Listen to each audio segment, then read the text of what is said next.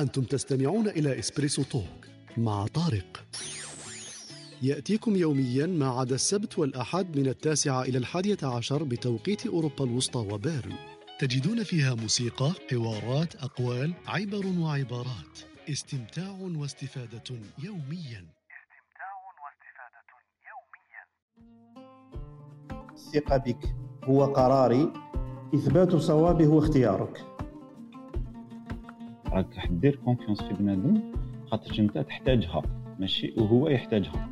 ماشي دير confiance هكذاك برك. ما رانيش نديرو في مزية في الناس. non رانا نديرو مزية في روحنا. donc on se protège بهذا le mécanisme اللي اسمو faire confiance aux autres علاش لازم الثقة هذه كاع؟ علاه علاه لازم ندافعوا على هذه الثقة؟ كاع الثقة هذه ندافعوا عليها تعرف علاش كاينة حاجة برك. parce que le monde il est très très très compliqué لو كان ما تكونش كاينة ثقة. وسبحان الله ديما أي حاجة ولا أي شخص تعلق به أمالك ولا تعتمد عليه هو نفسه الإنسان اللي ربي يخيب لك ظنك فيه. ما وما تكونش أي خيبة كما يقول لك يعني تخرج منها مسحوق سحقا. donc c'est un sentiment de sécurité لازم يكون عندي envers la personne et c'est un sentiment de sûreté تسمى عندي واحد الإيمان باللي كلش راح يجوز بيا. envers هذيك la personne ولا envers هذيك la chose السلام عليكم ورحمة الله تعالى وبركاته. أهلا وسهلا بكم في هذا اليوم الجديد السعيد. إن شاء الله سعيد وجديد علينا وعليكم. أهلا بخوتنا اليوم في الاستماع في هذه الصباحية. محور الدندنة التي اخترناه لكم في هذا الصباح يتحدث عن موضوع مهم كثيرا وهو موضوع الثقة. الثقة ولا la sécurité ولا ال trust ندندن حوله إن شاء الله من جوانب عديدة ومتعددة وإن شاء الله مداخلة الإخوة اللي راه معنا يثريوا اللقاء والدندنة الصباحية تاعنا المعتادة. الموضوع هذا مهم جدا ويعتبر من أهم المواضيع إذا خانت الثقة ولا ذهبت الثقة فالإنسان تقريبا مستحيل انه يعيش لأنه إذا لم يطمئن في عيشه صعوب العيش. الاطمئنان يأتي من الثقة. إذا ثقنا فاكيد راح نطمئن لشخص وهو المرادف تقريبا لكلمة الثقة. هو الاطمئنان مربوطين ببعضهما البعض. راح نشوفوا في هذه الصباحية تعريفات بسيطة مع ويكيبيديا ما هي الثقة عند عند المختصين وعند التعريفات. واللي يهمنا كما تعرفوا هي التفسير الفردي ولا الاجتماعي ولا النفسي لهذه المفاهيم. منها ما هي الثقة الفردية وبما تتعلق في المجتمع وفي المحيط تاعو الذي يحيط به. راح نحكم من جانب الثقة إلى حيز أوسع يمكن من حكاية الأفراد وهي ثقة الشعوب في الناس التي تقودها ولا المنظومات ولا الحكام التي تديرها ونشوف الأهمية في أمثلة يمكن واقعية من واقعنا المعاش. كيفاش قضية الثقة قد تبني شعوب وتهدم شعوب وتكون مساهمة في بناء حضارات بأكملها من باب الثقة فقط. راح نشوف أهمية أن تجد شخصا تثق به. وراح نشوفوا مع خوتنا المداخلات الصباحية. نطرحوا لهم واحد السؤال يمكن شوية مشاغب. مش راح نطرحه عليكم الآن لأنه قادرين تفكروا فيه. نخلوا السؤال يكون مباشر ويكون شوية جريء وصريح وأي واحد يقدر يجاوب عليه في هذيك اللحظات التي يطرح فيها السؤال لأنه عمل الوقت والتفكير مهم في الإجابة. وراح نشوفوا كيف الناس الذين تثق بهم لبعض الدقائق ولا لبعض الأوقات كيف تبني هذيك الثقة التي تنشأ صغيرة وتنمو مع الوقت. راح نشوفوا العوامل اللي راح تأثر في الثقة هذيك كيف تكسر وكيف تبنى. وندندن حول هذا المحور وما حوله في هذا الصباحية إن شاء الله. عبد الحميد صباح الخير. السلام عليكم. صحيت صحيت حميد حميد. السلام عليكم هيبة. كي صبحتوا إن شاء الله كاع راكم بخير في ال audience. حسنا شنو نعطي لك question طارق يعطيها لي راح ننطلق اسكو تثق فيا أنت. أكيد حميد. أنا شوف كان عيط لي واحد يقول لي أول واحد ثق فيه نقول له حميد. نخلي له الروم ونروح علاش؟ ثق فيا في كلش. آه في الروم حكيت آه في كلش. في كلش. أكيد واه ما تقدرش تثق في واحد شوية ومن بعد ما تثقش فيه ياسر. هي أنا تبان لي ما يا 100 يا صفر. ما تقدرش تطلعها ثق شوية برك. أنا حميد نثق فيها أكيد. هذا جواب بسيط وصريح ومباشر. هذه واعرة هذه الإجابة. ها قلت لك ما نقدرش نطلع ياسر نهبط ياسر حميد ما تقدرش تثق فيه غير شوية. حميد من الناس الذين ترتاح لهم نفسيا وذهنيا وعقليا وكل شيء. لا المشكلة مش هذه. المشكلة في إذا عكست السؤال الآن. أنت راك طرحت السؤال اللي كنت راح نطرحه أنت وين شفت ال... راك راك تشوف فيا في ال... راني كاتب قدامي ولا كيفاه؟ لا لا لا باينة. هذاك السؤال اللي راني كنت مع موجد قلت لما نقولوا لكم درك tout de suite parce que الا لك ما تلقش تمخمخ فيه لك تجاوب à chaud. هو وشكون يكون عندك؟ روح أنا قلناها درك انطلقنا بالسؤال. إنه عندك ربع ساعة ولا عندك 30 دقيقة الحياة تاعك وخلاص يجبدوا لك الكاب راح تموت بعد 30 دقيقة. وشكون الشخص الأول اللي يجي في خاطرك لازم تعيط له وتحكي له وتقول له هاي وراه وراني حاط دراهم ها وراه لساني دين ها وراه العقد تاع البيت تاعي ها وراه الأمور تاعي صح اللي تحتاجه تقول له بقى على خير في 30 دقيقة وشكون؟ ما عندكش وقت بزاف تعيط للناس رقم واحد عندك الجوكر وشكون اللي راح تعيط له؟ هذاك اللي تقدر تقول هذاك هو نثق فيه أنا دبالي هذوك كاين عندي منهم واحد ثلاثة ولا أربعة كاع لا لا عندك واحد خير الله يسهل عليك. ما تقوليش ثلاثة ولا أربعة؟ أنت عندك 30 دقيقة عندك رقم اتصال واحد جوكر على بالك. كاين لا ليست باش أنا تعرف مليح كي عندك ثلاثة ولا أربعة؟ شوف أنت راك من الناس المحظوظين حميد. باللي تقول عندي ثلاثة ولا أربعة وتقدر تختار أه تأكد باللي كاين ناس ما عندهمش هذوك ثلاثة ولا أربعة وحاير في واحد. صعيبة هذه حميد. بانت لي بانت لي لو كان نعاودوا نطرحوا السؤال بالمقلوب أيوة. بالنسبة لي علاش عطيت هذا السؤال باش نعاود نطرحه بالمقلوب وتشوف أنت باللي أنا بالنسبة لي الأهمية أن نطرحه هكا بالمقلوب. أيوة مثلا أنت تجي تقول لي دروك est-ce que دير فيا ثقة. أه. فهمت؟ أنا ثم اللي شغل أنا ثم هنا اللي نحصل فهمت؟ آه. سما أنت يا كي نسألك أنا ما تقدرش تجاوبني أنايا برك. بصح أنت كان تقدر تجبد أسماء بلا واحد ما يسالهم تقدر تجبدهم أنت. لا لا انت تجي تسألني فهمت؟ شغل مثلا انت تجي تقول لي كيفاش حتى نقدر ندير فيك الثقة هكا؟ أنا اللي نحصل هذه اللي نحصل فيها. آه. هذه اللي نخاف منها فهمت؟ تخيل انت تطرح لي السؤال تقول لي est-ce que نقدر ندير فيك الثقة في هذه؟ أنا هنا ثم نحصل. OK OK فهمتك. فهمت؟ هذه اللي لازم نضل نخمم فيها هذه اللي لازم نخمم فيها. أه. أما دير ثقة هكا en général ما عندها حتى معنى زعما ثقة في حاجة باينه مثلا عندك 1 مليون دولار راك باغي راك باغي ت investi فيه. تجي لي تقول لي عندي 1 مليون دولار نبي نعطيه لك بين بين investi est-ce que نقدر ندير فيك ثقه تخيل أنا كيفاش لازم تدير قبل الاطار ومن بعد تسأل عليه ثقة فيه ولا ما فيهش؟ إطار مادي لا تثق فيه في الدراهم ولا تثق فيه في كما قلنا هكذا حياة أو موت ولا تثق فيه مثلا الأسرة تاعك تخليها وراه ولا أمور كما هذه. تثق فيه لازم تحط قبل الاطار ومن بعد تقول له كاين ثقة ولا ما كاينش؟ هذه بغيت غير نعاود نرجع parce que السؤال مرات يكون فوق. صح. أنا بغيت نرجع السؤال يرجع صح؟ باش يرجع الإنسان يخلي الإنسان يخمم فيه ممكن نقدر نجاوبك direct نقول لك إيه ونقدر ندي ست شهور باش نقول لك إيه. صح. ونقدر نقول لك لا لا. أها OK. نعاودوا نخلوا مال خوتنا درك يدندنوا معنا في هذا السؤال هذا اللي كما قلت أنت لو تطرحه بطريقة برك تختلف الإجابة وقد تختلف وقد تكون مستحيلة تقريبا في ساعات. بارك الله فيك. صباح الخير وهبة واهلا وسهلا. قلت لك الأستاذ عبد الحميد حاب يقول لك باللي هو فقط اللي يطرح الأسئلة. اودي بداها من اليوم شتي كيفاه انطلق في الثلاث دقائق الأولى. هذه لازم تديروا فيها الثقة بها. ما قدرتش نطرح عليه السؤال. يقلبها لك directement يعني. exactement هو سمع باللي راح نطرح سؤال يقول لك خلاص. إيه. خلاص حطوا لنا بصيغة واضحة. حتى السؤال اللي حابين نجاوبوا عليه. صح تفضل عبد الحميد. كاين واحد الحكاية اللي باغي نحكيها لكم إلا تعرفوها. الله غالب. ولا ما تعرفوهاش مليحه لكم أنا بالنسبة لي هذه تعجبني الحكاية. شغل بلاك بصح شغل اللي جبدها يبان فيلسوف واش normal. شغل قال لك قال لك واحد ثلاثة تاع فكارن شغل سلحفات هكا ثلاثة. هيا بغاو يقلعوا من الجي بغاو يروحوا لتونس يصيفوا. هيا بغاو يروحوا هكذا هما يمشوا غير بشوية. داو معاهم قرعة تاع كازوز هكا كوكا كولا ولا حاجة. باش وصلوا حتى الحدود قالوا نشربوها في تونس. قعدوا تسع سنين باش وصلوا للحدود. بعد كي وصلوا للحدود هكذا شغل تلاقاو مع تلاقاو مع la douane قالوا لهم عندكم les passeports نساو les passeports. هيا قالوا باش نرجعوا لثلاثة ما فيهاش. قالوا نبعثوا واحد نختاروا واحد نبعثوه وهو يروح يجيبهم يعاود يولي. هيا تخيل أنت 18 سنة يسمى aller-retour هيا طاحت القرعة على واحد. بصح قال لهم عندي شرط واحد أنه ما تشربوش الكازوز حتى نرجع. قالوا له آه. هو راح هكذا وتخزن مو الشجرة وقعد. كي وصلت قريب تلحق 17 سنة ولا؟ ايا هو واحد تقلق منهم قال له لازم نشربوا بالسيد ما قدرناش نصبروا لازم نشربوا. كي حلوها هو خرج مور الشجرة قال لهم هذه هي العقلية اللي ما بغيهاش أنا.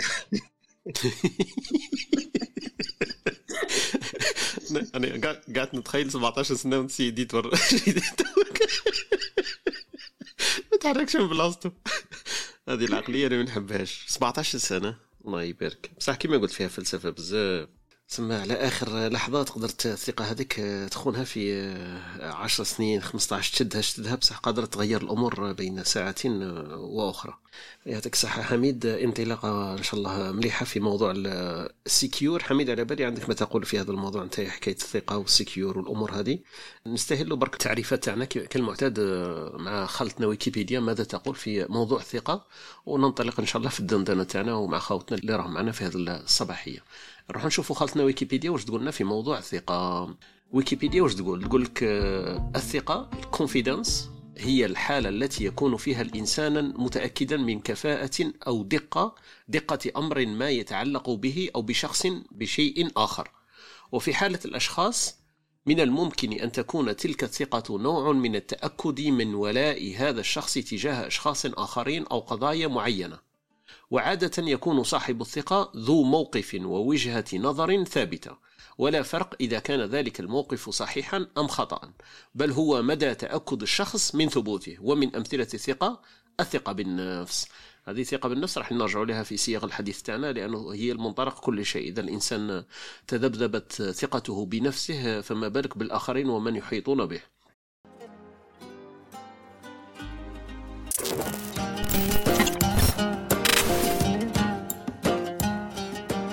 تابع بودكاست إسبريسو الصباح عبر ال Clubhouse أو عبر تطبيق البودكاست المفضل لديك أو زر موقع EspressoTalkPodcast dot com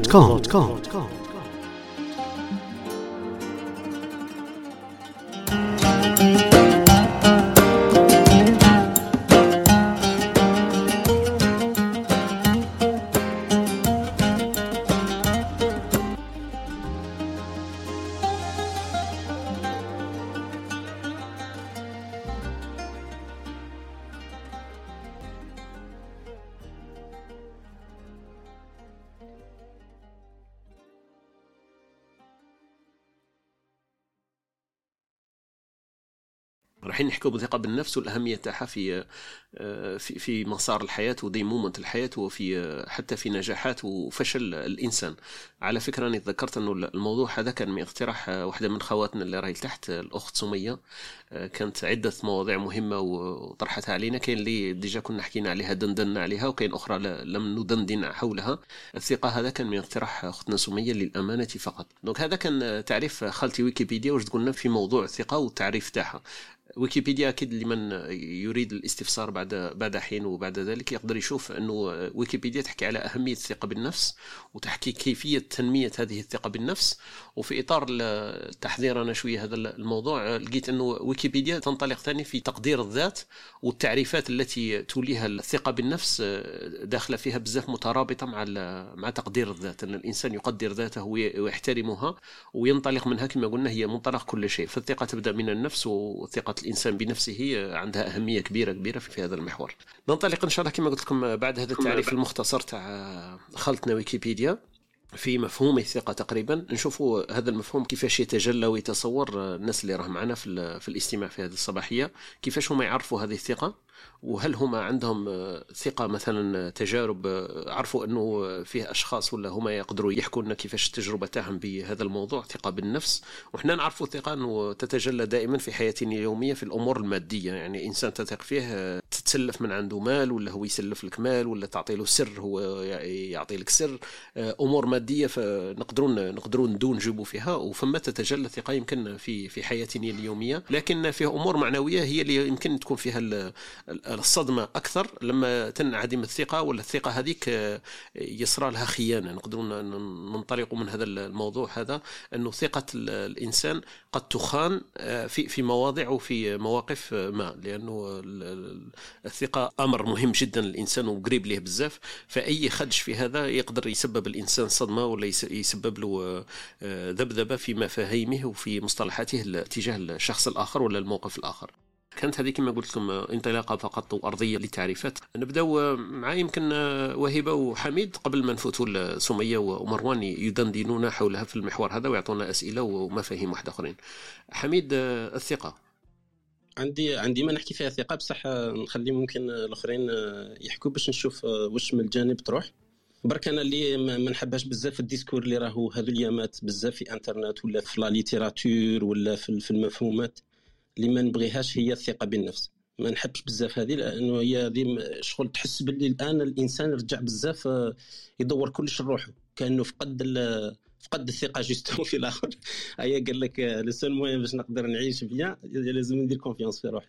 وبقى شغل الثقة في النفس الثقة في النفس. وين ما تشوف تشوف الثقة في النفس l'estime de soi شغل هذا ال sujet أنا ما نحبوش بزاف parce que نحس باللي ال marketing اللي راه يدور عليه ولا والهضرة اللي راه يدور عليه تحسها باللي ماهيش بريئة. فيها فيها حاجات تضر بالمجتمع تضر بالعلاقات تضر بزاف. آه، هذه اللي بغيت نقولها ومن جهة الثقه نخلي الناس يحكوا لازم بعد إن شاء الله اذا كان الوقت وهذاك نهضر معاهم نقصروا خير. معليش مليح حميد. بصح النقطة اللي أثرتها حميد مهمة لأنه موضوع كما قلت ثقة يقال حوله الكثير صح؟ الثقة بالنفس نسمعوا عليها بزاف. وال marketing كاين وال littérature واليوتيوب وهذوما كيف يسموها البرمجة كيف يسموها هذيك؟ البرمجة الذاتية ولا العقلية مش كيف يسموها واحد البي ان ال بي ان ال بروغراماسيون نيورو لينغويستيك فوالا البي ان ال والأمور هذه يحكوا عليها بزاف. بصح هذه كما نقولوا لا تفسد للود قضيه كاين مشاكل صح كاينين إنه الإنسان لما تذبذب هذيك الثقة بنفسه قادرة تكون مشكلة. مش معناها إنه يحكوا عليها بزاف فترجع الأمور كلها سلبية وما نحكوش عليها. mais مليح إنك أثرت هذه النقطة. وين الإنسان لازم يعرف يعرف وش يعرف وش لازم يعرف. donc الإنسان كاين أمور c'est vrai كي يعرفها تكون له avantage وكاين كي يعرفها تكون له بالعكس قادر يروح في متاهات واحدة أخرين. كيف يسموا هذيك؟ قليل من الفلسفة يفيد الإنسان كثير من الفلسفة يضر به. donc داخله في هذا الموضوع تاعنا يمكن تاع الثقة بالذات والثقة بمصطلح. إحنا خيرنا الثقة نحكيو باش نكونوا صراحة. الموضوع تاعنا c'est الثقة كمصطلح عام ونشوفوا أوجه الثقة. منها هي الثقة بالذات ولا الثقة بالنفس. لكن هذه برك نقطة صغيرة ومش حابين نركزوا عليها. مليح إنك حكيت حميد إنه مش هذا الموضوع تاعنا ثقة ثقة ثقة الإنسان بذاته ولا الثقة النفسية ولا تقدير الذات. لكن نحكيو إحنا على الثقة جينيرال بين الأشخاص وبين المجتمعات وحتى بين الإنسان ومن يحكمه. ونشوفوا الأمثلة مثلا في كورونا بانت بزاف هذا الموضوع هذا ولات مخبر تجربة علني على العالم قاعدين. الناس اللي ثايقة والناس اللي مستيقه وعندهم الذبذبة هذيك وين صارت. أختي وهبه موضوع ثقة. أكيد أنت عندك تعريف ومفهوم ليه وعندك معايشة لهذا المصطلح. بعد ما هدر عبد الحميد سما وجه الحوار لكن أنا نقعد دائما في هذيك نتاع لو سألوني يوم يعني لو الثقة المطلقة الملك تعطيها راح نقول لهم راح أثق بنفسي اولا. لأنه حتى آه، لو خذلتني يعني آه، ظنيت إني ممكن رفعت توقعاتي وخذلتني يعني توقعات فيما يخص أنا شخصيا مش راح يكون الألم والصدمة مثل ما تكون يعني بالنسبة للأشخاص الآخرين. آه، إذا كان عن الثقة المطلقة أكيد راح نوجه لنفسي لأنه أكيد الإنسان أناني ومستحيل أنه يضر نفسه عن قصد يعني. آه، لكن بالنسبة للتعامل مع الآخرين أنا في كل تعاملات يعني نحب الوسطية لا الشك الكثير ولا هذاك النية بكثرة يعني الإنسان يكون وسطي معناها أنه آه، دائما بالنسبة للآخرين أنا نخفض توقعاتي ما نتوقعش منهم الكثير لكن إذا أثبتوا العكس يعني آه، مرحبا. آه، الثقة لازم تكون في حدود في التعاملات. ممكن في, في الإطار يعني الأقرب يعني العائلة والأولاد مطلوب الإنسان أنه يتعامل بثقة مع الناس الأقربين ليه خصوصا يعني في العائلة الزوج والاولاد أو بين الوالدين يعني الناس الأقرب لك الأخوة. مطلوب مطلوب لأنه يعني حسن الظن مطلوب. إذا اعتبرت إنه كل واحد خائن مش راح تقدر توصل راح تقطع كل علاقاتك الاجتماعية. آه، بالنسبة للدائرة البعيدة يعني الناس اللي نعرفهم ممكن في الصداقات ولا في الزملاء ولا في العمل ولا حاجة مطلوب الحذر يعني. ولكن في نفس الوقت يكون دائما واحد مخلي مساحة للناس حتى تثبت العكس. كما قلت دائما أنا بالنسبة لي كل الناس يعني جيدة حتى تثبت العكس. ولكن دائما الإنسان ما يكونش نية أكثر من القانون يعني هذا ما كان آه، فقط. وشكرا. بارك الله فيك وشكرا لك أختي وهبة على هذا المداخلة وهذا الرأي اللي طرحتيه أنه الوسطية مهمة في المعاملات وحكاية الثقة مطلوبة في حياة الإنسان وإلا تحولت حياته ضنكا كما قلتي لأنه إذا كان يتوسوس ولا عنده ريبة في كل شخص يصعب الحياة تاعو. المنطقة اللي تمشي به أنت كل إنسان موثوق به إلى أن يثبت العكس تبان لي شوية صعيب. أنا عندي فيه تحفظ شوية لأنه فما قادرة تكون خيبة الأمل كبيرة وتكثر الصدمات لسوء الحظ. ليس لأنه الناس لا تستاهل الثقة لكن لسوء الحظ قد يكون أول من تثقين بهم يخيبون ظنك. فتنقلب كل الأمور أنك تفقدي الثقة بأي إنسان. أنا في حكاية التجربة آه، نثق بالإنسان صح لكن المنطلق هذاك أنا شخصيا ما نقدرش نمشي به. يمكن أني اثق في كل إنسان إلى أن يثبت العكس. هذه وجهة نظر وطريقة تفكير يمكن تكون شخصية تختلف من شخص إلى آخر. نشوفوا مع خوتنا اللي طلعوا معنا في ستيج في هذا الصباح في هذا المحور الدندنة اللي معنا اليوم خونا مروان واختنا سمية واختنا أمينة طلعوا معنا يشاطرونا الأفكار تاعهم والآراء تاعهم حول هذا المحور. نبداو بأول من صعد معنا. تفضلي أختي سمية صباح الخير أهلا وسهلا بك. صباح النور بك أهلا شكرا. بغيت نهضر برك على أنا عندي واحد وجهة نظر عكس باش كانت تقول الأخت وهيبة إنها كشغل تبقى شوية متحفظة يعني ما ديرش ثقة كاملة. أنا العكس أنا كشغل يا نمد ثقة 100% يا ما كانش. ما كانش هذه 99 98 c'est pour ça كي تجي الضربه تجي صح صح ضربة قاصحة. فبغيت نقول برك بلي تعليق الامال ما لازمش تكون بحتى إنسان. يعني ما تستنى من حتى واحد إنه يكون قدر الثقة هذيك اللي اللي تمدها. خاطر سبحان الله يعني الناس متقلبة العقليات متقلبة فلازم يكون الاعتماد والتعليق الآمال كلها تكون بربي برك وسبحان الله ديما أي حاجة ولا أي شخص تعلق به آمالك ولا تعتمد عليه هو نفسه الإنسان اللي ربي يخيب لك ظنك فيه. ما وما تكونش أي خيبة كما يقول لك يعني تخرج منها مسحوق سحقا. فالواحد لازم يتيقن اليقين التام باللي ثقة في ربي برك. ما كانش من غير ربي. إذا كانت يعني بعد ربي فقبل نفسي. يعني قبل الثقة هذيك المطلقة اللي نديرها في نفسي نعطيها لوالدية من غيرهم ما كانش. هذا وش بغيت نقول؟ وشكرا. يعطيك الصحة وشكرا لك سمية. بقي معنا مستمعك مروان صباح الخير.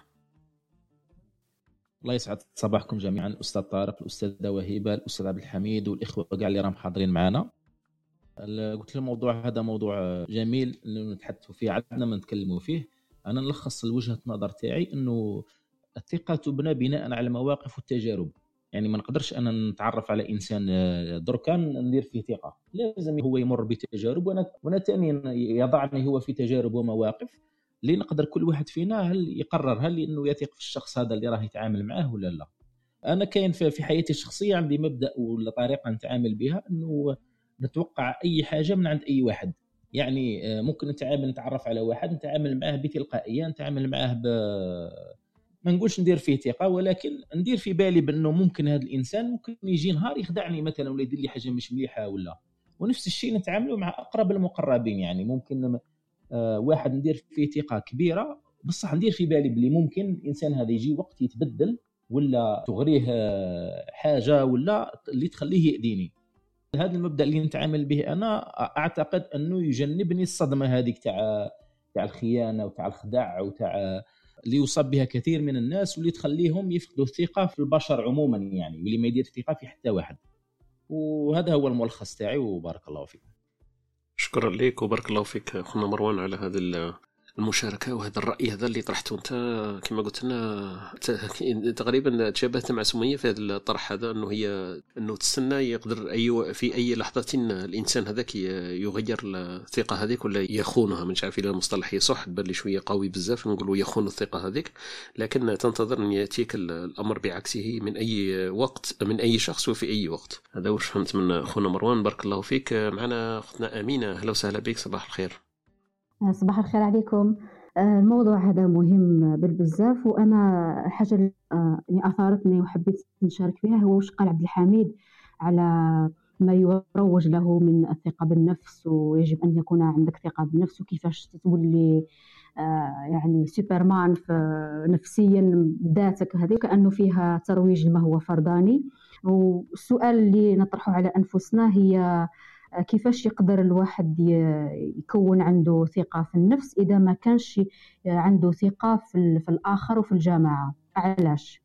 لأنه الإنسان هذا إحنا ولا والطفل يعني من نهار اللي يبدأ شكون اللي راه يقدم له القيم اللي راه اللي تبنى وتشكل الشخصية تاعو القيم الموجودة في المجتمع هو الراشد هذاك الإنسان اللي يعيش معك واللي يرافقك هو اللي راه يمد لك أدوات الثقافة هذيك والقيم اللي اللي تعيشها. فحتى الثقافة في البناء تاعها في الأخير هو محصله تاع تفاعل تاع الطفل هذا ومن بعد يولي مراهق ومن بعد يولي راشد حتى هو ومن بعد يولي يعني إنسان مستقل بذاته.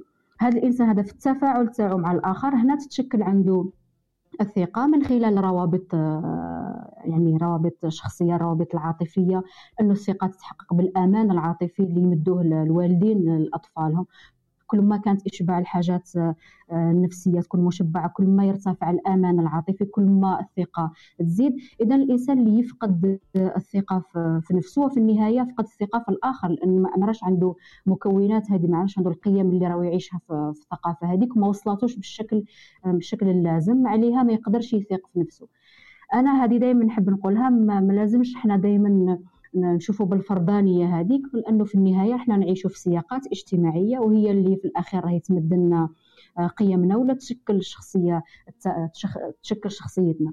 هي بلا ما بلا ما نلغيو الاستعدادات النفسية تاعنا والاستعدادات البيولوجية والفيزيولوجية وحتى المعرفية ولكن ما هو اجتماعي وما هو متعلق بالآخر يعني دائما ما يخرجش على الجماعة. يعني في النهاية ما راناش نخرجوا على الجماعة اللي نعيشوا فيها واللي نتفاعلوا مع هاد الجماعة ماشي غير في منطقة جغرافية ولا كما مثلا اليوم بهذا التواصل اللي رانا فيه يعني الجماعة هذه تقدر تكون كبيرة بزاف من كل يعني من كل منطقة جغرافية ماشي فقط يعني المحلية. آه اذا أنا دائما نربط الثقة بالأمان العاطفي.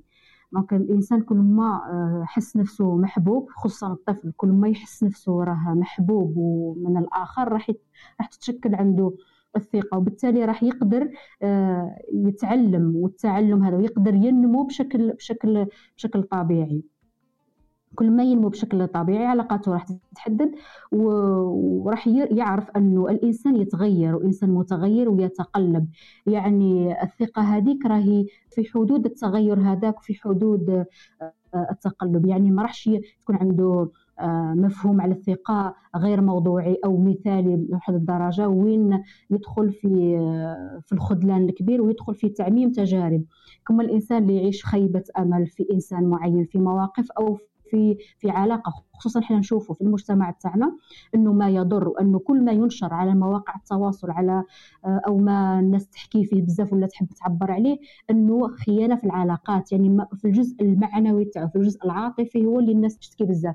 قادر انسان يعني يتم خداعه ولا خيانته ماديا مثلا يعني يدخل في صفقة ولا يدخل في شراكة ماديا يشتكي عليها ولكن ما تضروش بنفس الطريقة تاع خيانة عاطفية اللي هي أنه كان ينتظر الحب من الآخر وما لقاهش مثلا. كانت يعني عقد عقد نفسي مع الإنسان هذاك. ومن بعد هذاك العقد تقطع. donc هنايا هاد الشيء هاد العوامل هذه هي اللي تخلينا يعني نبتعدوا على المفهوم الموضوعي على الثقة. donc الثقة هذه نحطوها في المكان تاعها نعرفوا كيفاش تتكون كيفاش تبنى انه في النهاية الثقة هي قيمة قيمة نعيشوها. تتشكل عندنا بمجموعة من الأدوات ثقافية اجتماعية ومعرفية ولما نقولوا ثقافية ما نحنش نحكوا على مظاهر تاع الثقافة فقط ولكن الثقافة كمكونات عامة اللي اساسها الدين أساسها أساسها اللغة أساسها اليوميات تاعنا كيفاش راهي كيفاش راهي تتأثر حتى الجوانب بعض الجوانب السياسية اللي تأثر على على الحياة الجماعية تاعنا. لأنه كنت ذكرت الأخ طارق حتى ثقه ثقة الشعب في في محكوميه وثقة يعني في السلطة كما اللي إحنا في الجزائر اللي راه عندنا يعني بعد الحراك وقبله وإلى الآن.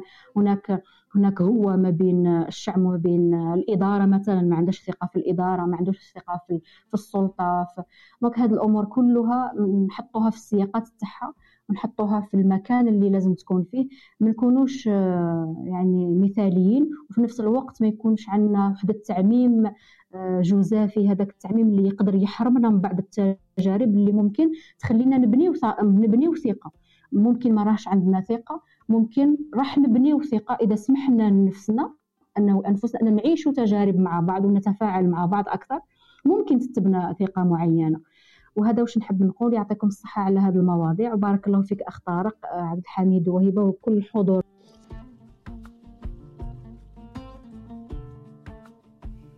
بارك الله فيك طارق تفضل حميد يا تقريبا. لو سمحت لي برك آه باش نعاود لاخاطش عجبوني بزاف على بالي نقاط مهمة ذكرتهم نقاط كاع وهيب وهبه وسمية ومروان وأمينة. كل واحد ضوى على جهة ما شاء الله. زعما وهبه قالت لك باللي قلت لك باللي انايا نثق في نفسي لأنه مع التالي كاع إلا صرات مشكلة.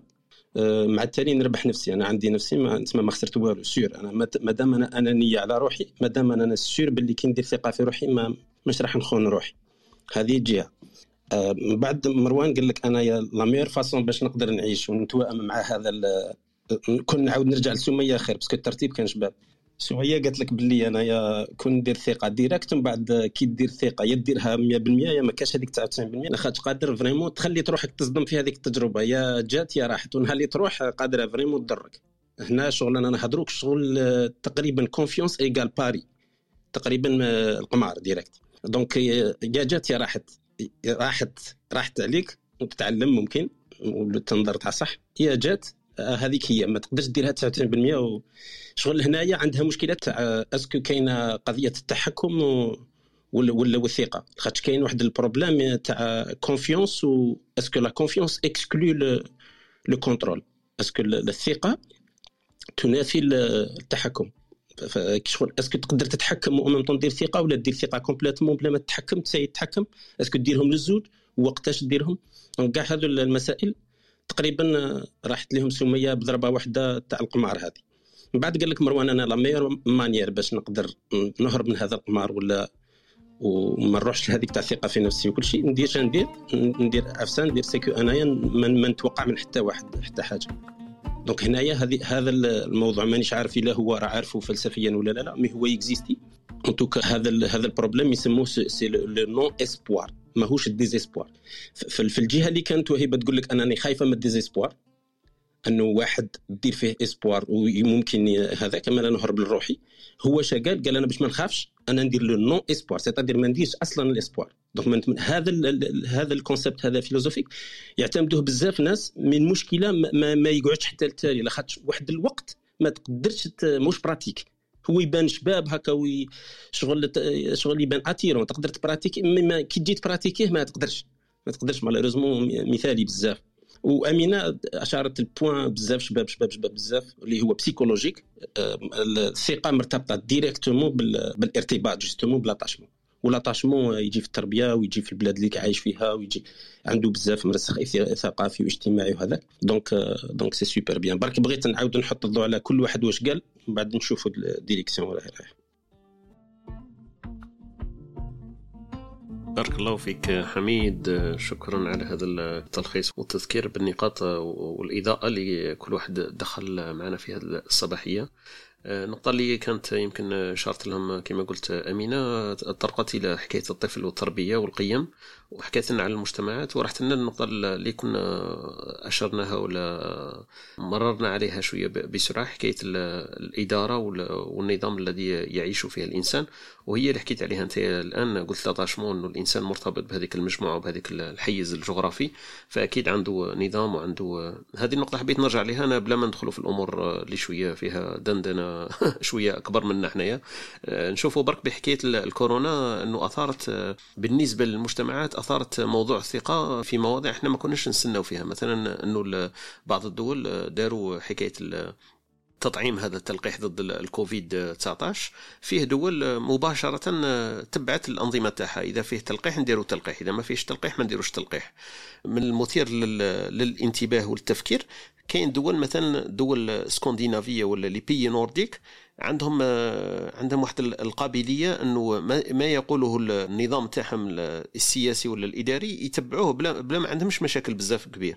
أكيد فيه فيه exceptions أكيد فيه أمور ماهيش 100% كما راهي هكذا تبان. لكن نشوفوا إنه هذه الدول ال nordiques ولا scandinaves عندها شوية واحد الثقه في ال système تاعها. لما يقولوا فيه تطعيم فيه تطعيم. فيه حقنة أولى فيه حقنة أولى. ثانية نعم فيه ثانية. لما يقول لك إنه التسجيل يتم عبر الإنترنت وعندنا نبداو بالكبار والصغار. ما عندهمش ذبذبة ولا شك في هذاك المنظومة ولا هذاك التسيير لهذه الجائحة ولا هذه الأزمة ولا حكاية التطعيم والتلقيح منها. على عكس ذلك كل ما نهبطوا لتحت في الدول النامية أكيد لكن حتى في الدول الميديتيراني وعلى سبيل كما نقولوا الذكر لا الحصر مثلا الفرنساويين وليزيسبانيول عندهم مشكل بزاف. لما تقول أنت باللي التطعيم عندهم مازال ما لحقش ال 50 40% ما مش ثايقين في هذيك الإدارة تاعهم وهذيك الحكومات تاعهم. لما تروح شرقا كذلك روسلاند الروسيين عندهم ثاني واحد الذبذبة واحد الشك في, الإدارة تاعهم. تشوف إنه الروسيين ما مش ثايقين مثلا في الإدارة تاعهم الحكومة تاعهم إنه هذاك التطعيم أصلا عنده إيجابية ما عندوش. كيفاه تسري الأمور في حكاية التلقيح والناس ما عندهمش أولوية الفقراء عن الأغنياء والطبقة السياسية على الطبقه الكادحة عندهم. وحنايا كما نقولوا حدث ولا حرج. في الدول النامية تاعنا العالم الثالث عشر آه، لما تحكي له تقول له كاين 50 جرعة على باله باللي ما كانش. لما تقول له 4000 طعامنا يقول لك كاين 15 لما تقول له 24% من المجتمع تاعنا تم تسجيله على باله باللي ما كانش منها. فهذه تعكس حكاية الثقة وتعكس أنه الدول هذيك كل ما صارت الثقة بينها وبين الشعوب تاعها كل ما كبرت كل ما سهل التعامل معها وكل ما هذيك الثقة اللي كما حكت عليها أختنا أمينة قبيل الثقة هذيك تبنى عبر الزمن وعبر الوقت وبتجارب حتى في, في إطار كبير كما هو التعايش مع مع الأنظمة السياسية ولا الإدارة. هذه نقطة برك حبيت نشير لها بلا ما نروحوا كما قلت لكم في الأمور التي متفقين عليها ومعروفة لدينا للعام والخاص. آه، هذه نقطة حبيت نشير لها لأنه نقطة الاختلاف واضحة جدا. مثلا لما تشوف أنت مثلا في السويد عندهم 90 ولا 80% من الشعب تاعو لقح وتقول لي دولة أوروبية لكن فرنسا ثاني دولة أوروبية. الفرنسيين ما لحقوش ال 50% الفرنسيين لحقوا إلى قرارات منع الدخول المطاعم لحقوا لواحد الدرجة. هما كاع أوروبيين إحنا يبانوا لنا كل شيء نفس الشيء. لكن في هذه الجائحة وفي هذه الأمور الدقيقة. هكذا تطرح هذه النقطة هي لنقطه ثقة الشعوب بإدارتها. نفوتوا الكبسولة الثقافية مع اختنا وهبه ونكمل الدندنه تاعنا الصباحية إن شاء الله بإذن الله. نترككم مع الكبسولة الثقافية مع الأستاذة وهبه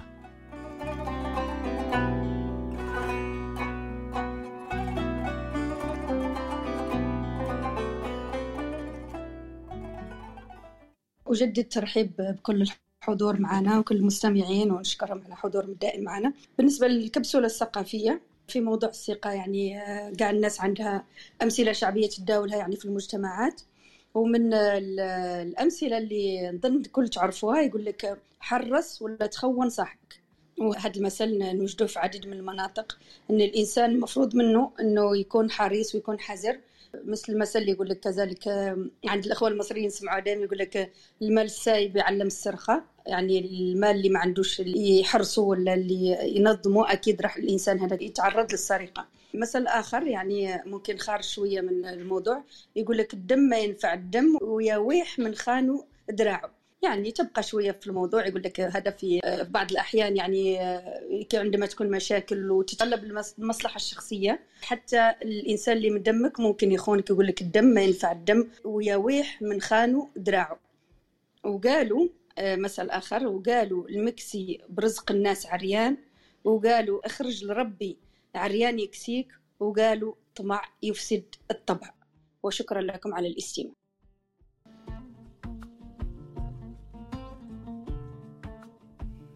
عجبتني هذه تاع وقالوا وقالوا وهيبه هذه هايلة. وقالوا المسكين. ماشي أنا قلت مش عبد الحميد ما يقول لي. لا لا مليحه ما يقوليش. اي وقالوا. لا لا دي يعني تبقى مثال شعبية يعني ممكن تكون صحيحة ممكن تكون غلطة. يعني حصول التجارب يعني أشخاص صح. يعني ليسوا معصومين طبعا. صح.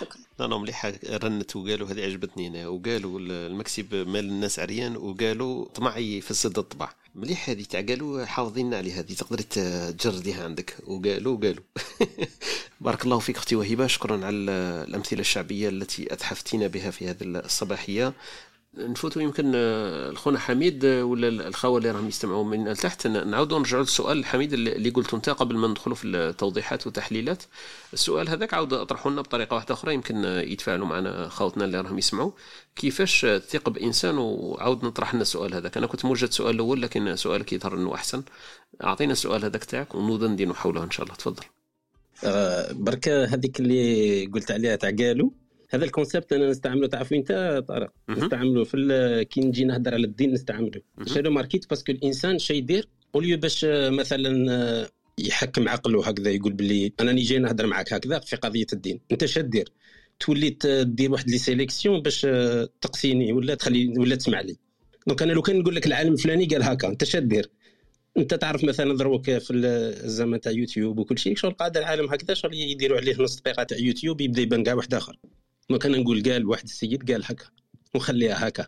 علاش؟ parce que باش نخلي pourcentage maximum تاع الإنسان هذاك يفكر في هذيك الحاجة ما يفكرش شكون هو اللي قالها. donc هذا ال concept شباب أنا يعجبني نستعمله في الدين en tout cas هذه الجهة برك نقول لك عليها. كاين السؤال أنا اللي قلته قلت أنا parce que généralement الناس شغل يا إما تخاف من هذا السؤال يا إما كي تطرحوا تطرحوا faux. أنا بالنسبة لي يطرحوا faux. parce que يبقى faux حتى jusqu'à preuve du contraire parce que كي يجي واحد يقول لك يقول لك بلي مثلا est-ce que تدير فيا ثقه ولا est-ce que نقدر ندير فيك ثقه surtout est-ce que نقدر ندير فيك ثقه و... ايا انت تروح انت مش عارف شغل تحس بليغو تاعك ماذا بك تقول له إيه هنا حصله parce que الا قلت له إيه معناتها بلي signيت على كلش مثلا تخيل يجي يقول لك أنا راني باغي نقول لك سر اسكو ندير فيك ثقه هذه واعره بزاف أنا هذا هو الواعر كاع باسكو علاش سي ان تروك ايماتيريال يقدر ينقال وانت ما تحسيش من روحك. آه مشكلة كبيرة شغل أنا بالنسبة لي نبدأ نطرح الأسئلة باش نعرف واش من الجهة واش وين وين راك راح دير فيا كونفيونس وين بغيتني ندير فيك كونفيونس هيا ونقدر الماكسيموم تاع المعلومات قبل ما يوصل لهذيك تاع لو سوجي لوي مام une fois يعطيني هكا المعلومات نعرف روحي أنا أهل ولا لا لا ولا نرجع له من بعد ما نشحف شحال من نهار باش نقول له إيه c'est bon parce que انت تجي تقول لي أنا يا آه، نعطيك كيما قلت لك أنا مثال برك نعطيك 1 مليون دولار وندير investissement ونتقاسموا الربح ولا؟ وتقول لي ندير فيك ثقة. أنا بالنسبة لي هذه الهضرة ما, ما عندهاش معنى بزاف. كي كي تجي لي أنا نقول لك خليني خليني ندير business plan ندير صوالح هكا ندير ندير كاع صوالح اخرين باش نقدر نعاود نرجع ليك. معناتها هنا الثقه فاتت على واحد الحاجة يسموها ال process باش انت تقدر ترجع هذاك la réponse. بصح كاين صوالح ساهلين هكذا تقدر تجاوب فيهم ثم ثم ساهلين même pas ما تطرحش فيهم السؤال. أما اللي بغيت نقولها في السؤال اللي هدرنا عليه ولا ولا التساؤل أنه كاين واحد العلاقة ولا خيط رقيق ما بين le contrôle والثقه هنا اللي أنا بالنسبة لي لو كان plus نضيعوا الوقت فيها في حياتنا ونعرفوا كيفاش نقدروا نديروا الثقة بلا contrôle ولا بال contrôle وقتاش حتى واحد maximum أنه نقدروا ncontrôlو وال maximum وين نقدروا نحوا هذاك ال contrôle ونقولوا خلاص درنا ثقة. هي هنا اللعبة برك. يعطيك الصحة حميد. آه، نقطة très intéressante اللي حكيت عليها أنت حكيت ال contrôle ويمكن هذه سبب الداء والدواء في نفس الوقت. donc أنا في بالي آه، كنا نعرفوا كيفاش نديروا ال contrôle التحكم. وهو هذا اللي شارت له قبل سمية قالت لك ما نقدرش أنا نتحكم ندير 97 ولا 80% ثقة في إنسان. إذا درت فيه الثقة ثقة. وإلا ما كانش ثقة ما كانش ثقة. وكما سميتها أنت قلت شوية تقمار شوية لكن هذا هو الواقع تاع الإنسان. كيفاش الإنسان حميد بصح يروح لهذاك ال contrôle؟ أنت déjà طرحت ليه في النقطة الأولى؟ قلت أنا كي تقول لي دير فيك ثقة في, في واش دير فيا ثقة؟ في المال في العلاقات في العاطفة في السر في أمور إنك تشارك معايا مشاركة في مشروع. الإنسان الصدمات اللي إحنا نشوفوا فيها وخيبه الأمل أنه هذا هو الخلط هذاك. واحد مثلا دير فيه ثقة في مشروع وعلى بالك باللي compétent باش يسير لك هذاك المشروع لما تروح معاه في علاقات شخصية ولا فردية تلقى كوارث يصراو لك معاه علاه لأنه قلت أنا ما كنتش نستنى فيه اني نخدم معاه نشوف فيه tata ومن بعد ظهرت حاجة واحدة أخرى وهي تختلف. هو قادر يخونك في هذيك الحاجة. هو عمره ما قال لك بلي أنا ثيق فيا في هذيك. لكن أنت هذيك الخيبة تاعك تجيك لأنه خانك في موضوع واحد آخر. لأنه حكاية الثقة عندك أنت كانت شغل umbrella كانت هي شغل آه كيف يسموها شمسية ولا مطارية حاط فيها كلش أنت. أي حاجة راه موثوق فيها. إذا كانت إدارة مال عاطفه علاقات اجتماعية علاقات مادية علاقات business الأمور هذه. أما النقطة اللي حكيت عليها أنت كيفاش حنايا الإنسان يعلم نفسه يدير ال contrôle إلى هذيك الدرجة هذيك قال هنايا نقص له هنا نزيد له هنا ما نثيقش فيه كامل نديرها صفر هنا نطلعها هنا على عامين نزيد نعاود ندير معاه test واحد آخر. أنا هذه النقطة لو كان نحكيو فيها حميد يمكن تفيدنا إحنا أكيد وراح تفيد يمكن من يستمعون إلينا. كيفاش الإنسان يعود نفسه ويقدر يعترف انه الثقة ليست 100 أو صفر؟ آه كما قلت لك زعما لو كان يعاود يوجه السؤال لروحه هو ويكون honnête مع روحه هذه هي هي هي, هنا الضربه imaginez أنت تجي لي تقول لي est-ce que ندير فيك ثقة. أنا واش راح ندير؟ نعرفها باللي مسؤولية مشكلة. من بعدك أنا كي du moment وين نبدا نخمم كيما هاك؟ معناتها باللي نتايا déjà كي قصدت قصدت la bonne personne parce que هذا السيد اموره يفكر قبل ما يقول لك. ça c'est important هذا بيت القصيد. أنك أنت من إيه الناس الذين يفكرون. إيه؟ بصح الناس إيه؟ الآخرين على بالك ما تفكرش. مستحيل. هك déjà أنا, أنا واحد من الناس لما طرحت علي السؤال في البداية. قلت لك إيه لأنه ما عرفش نفرق في واش. ما نقدرش نقول لك أنا est-ce que راح دير معايا مشروع ولا راح تجي تخطب ولا راح مش عارف كيفاش. فهمت؟ المشكل هذا هو. أنه الإنسان حنايا ما يطرحش هذاك السؤال.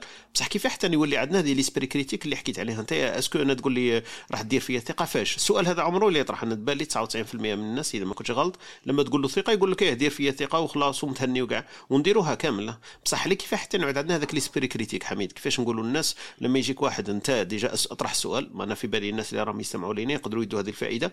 لما أنت تدير ثقة في الناس شوف est-ce que تدير فيهم ثقة في كل شيء ولا في أشياء معينة.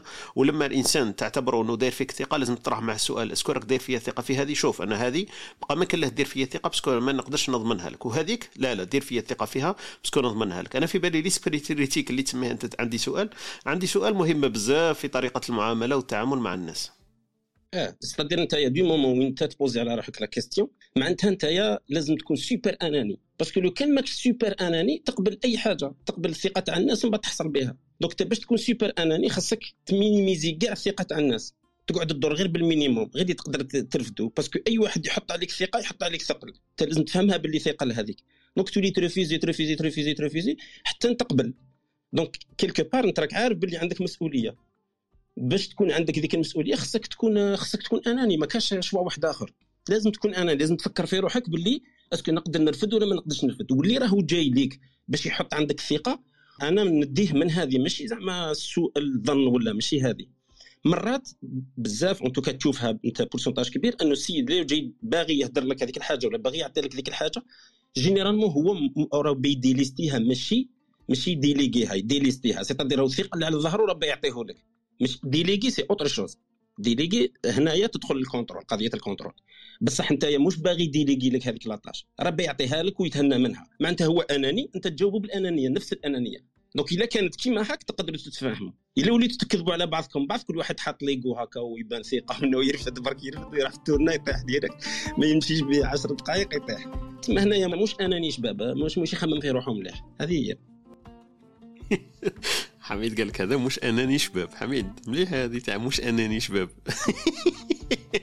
يعجبني حميد. بارك الله فيك على هذا وجهة النظر وطريقة التفكير. إنه الأنانية صح قادرة تكون أنانية لما الإنسان كما قلت ي déléguer ولا ي délester مصطلحين مهمين.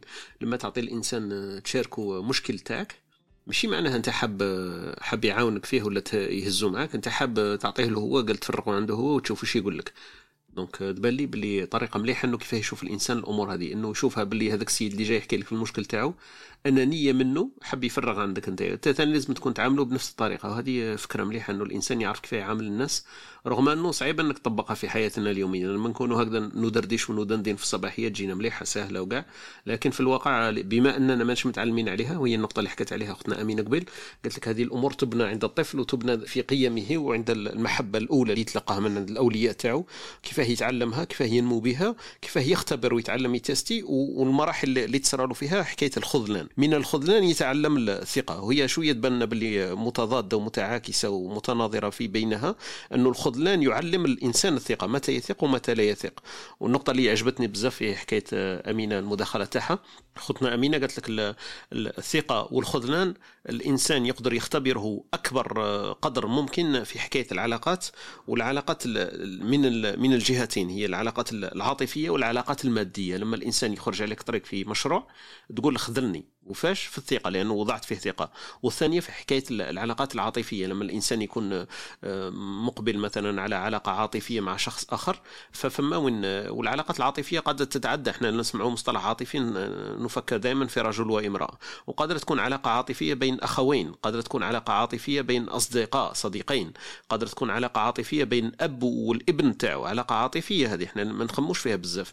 إنه الأب هذاك الابن يبان إنه الأب تاعو خذله في علاقته العاطفية لأنه كان قاسي معه. ولا لو كان يكون التربية تاعو ما عجبتوش التربية تاعو بطريقة مختلفة. فهذه العلاقة العاطفية إحنا لما نسمعوا مصطلح عاطفي يروح التفكير تاعنا دائما إلى رجل وامرأة وعلاقة شباب وعلاقات عاطفية وغرام والأمور هذه لكن هي العلاقات العاطفية قد تكون بين الأخوين قد تكون بين الأب والإب تاعو ولا الإبن والأب تاعو. علاقة عاطفية خيانتها قد تكون إنه الإبن هذاك ما يتهلاش في الوالدين تاعو لما يكبروا. هذه علاقة عاطفية.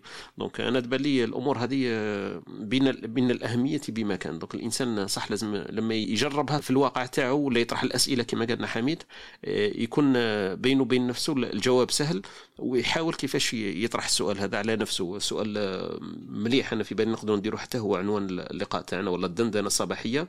هل ممكن أن أثق بك؟ ماشي بالعكس. هل ممكن أن تثق بي؟ هذه سهلة. لكن هل ممكن أن أثق بك؟ حميد قال لك آه، سؤال كبير وصعيب و... ولو كان الإنسان يكون عند المسؤولية لازم يخمم فيه. قال فاش راك حاب تثق فيا؟ واعطيني وقت نفكر. نقدر نقول لك إيه ثق فيا. ونقدر نقول لك لا لا. ولازم تحدد الأولويات والأنانيات كما قالنا حميد. نقطة مليحة هذه تاع أنا أناني شباب وأناني مشي شباب. بارك الله فيك حميد على كل حال. ما عارف الا خوتنا اللي معنا أمينة ولا مروان حبوا يضيفوا شيء أو أختي وهبه إذا عندكم إضافات آه، تفضلوا. أنا تطرقت لموضوع الأنانية في الأول هذيك اللي قال لك آه، حميد يعني الثقة بالنفس. لأنه الإنسان أناني بطبعه. قلت لك آه، يعني لما يكون كاين يعني كونفلي بهذوك كان تكون كاين مشكل بين هذوك الشخصين يعني اللي عندهم هذاك السر ولا عندهم هذاك هذيك الثقة اللي حطيناها في هذاك الإنسان أكيد راح يفضل نفسه يعني. حتى ولو كان آه، ما نقدروش نعمو ممكن الإنسان كي تكون عنده ظروف يعني فوق طاقته ما يقدرش يتحمل أكيد إنه راح يخون هذيك الثقة. يعني مش من البدايه ممكن إذا المشكل آه، ممكن يتحملوا جيرابل يعني كما يقولوا. ممكن تبقى هذيك الثقة. ولكن نفرضوا مثلا كانت مثلا حياتي يا أنا يا أنت يا أنا يا أنت مثلا مشكل قانوني مثلا يا أنا يا أنت. أكيد راح يخون. هذاك علاش قلت لك أنا لما الثقه بالنفس لأن النفس مش ممكن تخونك إلا عن قصد. مش عارفة واش رأيك في هذا الكلام. بارك الله فيك أختي وهبة يعطيك يعطيك الصحة النقطة هذه وعندك الحق فيها أنا وشاطرك فيها النفس. أقرب إنسان إلى الإنسان هو نفسه. donc أقرب واحد إلي واعز واحد إلي ما الا إذا كان الواحد يخون في تفكيره ويقول لك لا لا لا, لا. وهذه نلاحظوها بزاف. إحنا يقول لك لا لا لا, لا أنت خير وأنا وعندي خير من أمه خير من بي والأمور هذه نسمعوها بزاف. لكن الإنسان لو يكون صريح لحظة برك مع نفسه يعرف أنه أعز إنسان عند أقرب له هو هو ذاته هو نفسه. فالأمور لما تكون بيني أنا وبينك أنت أكيد راح نروح لنفسي أنا. مش راح نروح لنفسك أنا إلا إذا كان عندي خلل ومفاهيم مختلطة عندي أنا ما عرفتش ذاتي وما عرفتش نفسي نبجل لك أنت على على نفسي. بارك الله فيك أختي وهبه نشوفوا أختي أمينة تفضلي عندك ما تضيفي. أنا حبيت فقط نزيد نضيف على واش قال عبد الحميد على ما سماه هو الأنانية يعني الشابة ثم سماها هو. حنا واش راه يصرى عندنا ك mécanisme دفاعي نفسي في الحياة اللاواعية الجماعية تاعنا؟ واحد ال mécanisme نستخدموه بزاف حنا كجزائريين هو الانشطار هذا ال mécanisme le clivage هذا. هذا رانا نعموه على بزاف مواضيع من حياتنا ومن بينها الثقة. حنا عندنا واحد الانشطار بين بين زوج تاع المشاعر كي شغل نروحوا في في اتجاهين. اتجاه تاع مثلا داك الإنسان عندي فيه ثقة مئة بالمئة. وكي توقع لي منه يعني حاجة صغيرة خلاص يعني خيبة أمل ونصطدم بجدار كتبانياته. وعاود عندي في الجانب الآخر أنه لا خلاص ما, عنديش ثقة فيه تماما. أنه الحياة تاعنا النفسية هذه وهي لا واعيه يعني الوعي اللامجتمعي تاعنا موجودة. حنا منقسمين ما عندناش داك التوازن. حنا يا هكذا يا هكذا. يعني الموضوع المحبوب اللي اللي عندنا معاه علاقات كبيرة والموضوع المحبوب ماشي فقط يعني علاقة المرأة بالرجل وإنما آه، كل ما هو الصديق والأخ والابن وكله هذاك الموضوع في علاقتنا معه نشاطره عندنا انشطار نفسي نفسي عنده جانب انفعالي عاطفي معرفي. وفي علاجه نبداو بالما هو معرفي نديروا العلاج المعرفي السلوكي.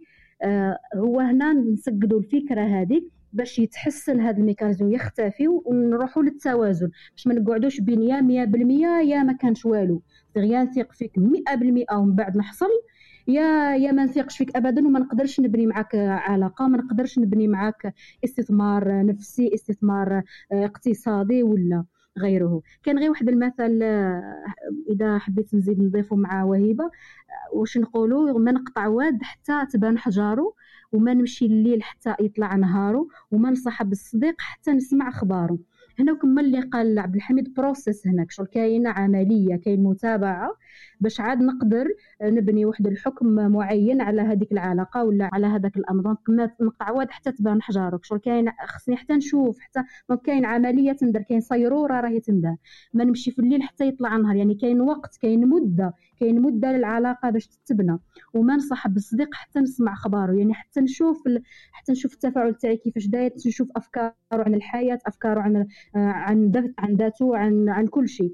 دونك الثقة في النهاية هي هي صيرورة تحتاج منا الوقت الجهد وتحتاج منا آه، المسؤولية والمسؤولية سواء عندنا إحنا ولا المسؤولية الآخر حتى هو يعني التبادلية هذيك. المسؤولية تكون في اتجاهين ونعالج الحياة اللاواعية. الجماعية اللي رانا عايشين بها بأننا مجتمعات يعني عاشت التخلف النفسي بشكل كبير وعاشت القهر النفسي. فمن الطبيعي أننا يكون عندنا ميكانيزمات نفسية من بينها هذا الانشطار ولا le clivage هذا اللي راح يخلينا ما نتوازنوش. صحيته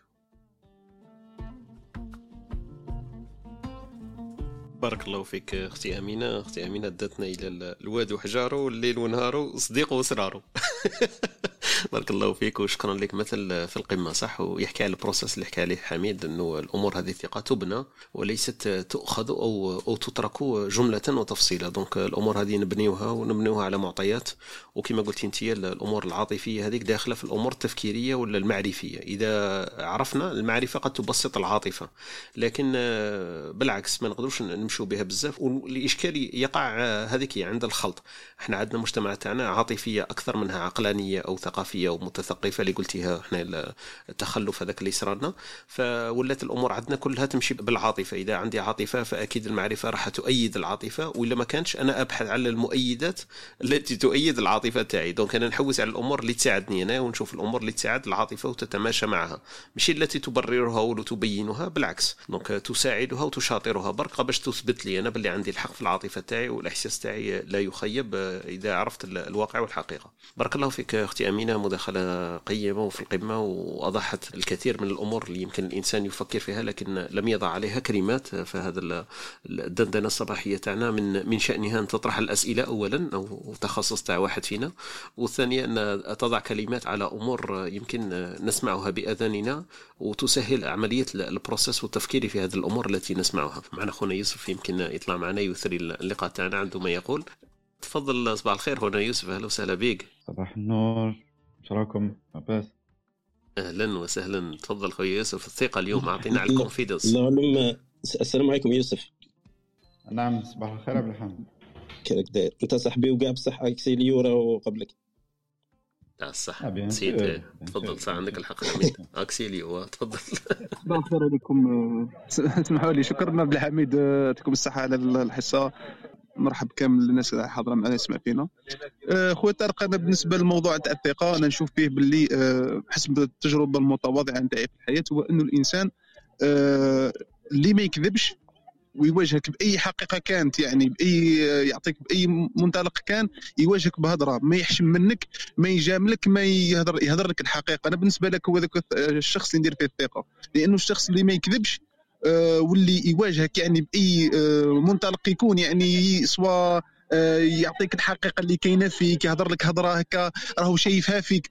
فالإنسان هذاك أنا كنت من يعني كي كانت عندي علاقات كذا مع أشخاص دائما ما كنت نستحسن هذاك اللي ونحس بهذيك كما يقول لك بهذيك الرفقة الإنسان هذاك اللي يلعبها لك مثالي يضحك بزاف معاك ويتبسم ويقول لك واش راك وزعما شغل كي يتلاقى كيبدا يهضر معاك بواحد الأسلوب كذا غالبا مواضيع النوع هذا يعني في المده القصيرة تاع حياتي يعني كي بديت نتعرف على ناس وكلش كنت نضع الثقة في هذا الناس ولكن ما كانوا يخذلوني لأنه هذو الناس كانوا يمثلوا ما كانوش ما يعطيوكش هذيك الحقيقة. فهم كانوا يكذبوا. هما آه لا فاسون تاعهم كي يقعدوا يهضروا كانوا يكذبوا. ما, ما عندهمش هذيك القدرة إنه يصارحك. فمن بعد آه، بعد مدة معينة من سقطات يعني ومن خذلان وكما كنتوا تتكلموا في الناس اللي كانت تسمعوا المشاركين اللي داروا بالمداخلات تاعهم نفس الشيء. يعني من بعد وليت عرفت باللي هذوك اللي كنت نتصادم معاهم سواء فكريا سواء مباشرة في أمور ما نتفاهموش فيها وهما اللي كانوا يهضروا ديما الحقيقة النابعة من الواقع وكانوا يواجهوا ديريكتوم في الوجه.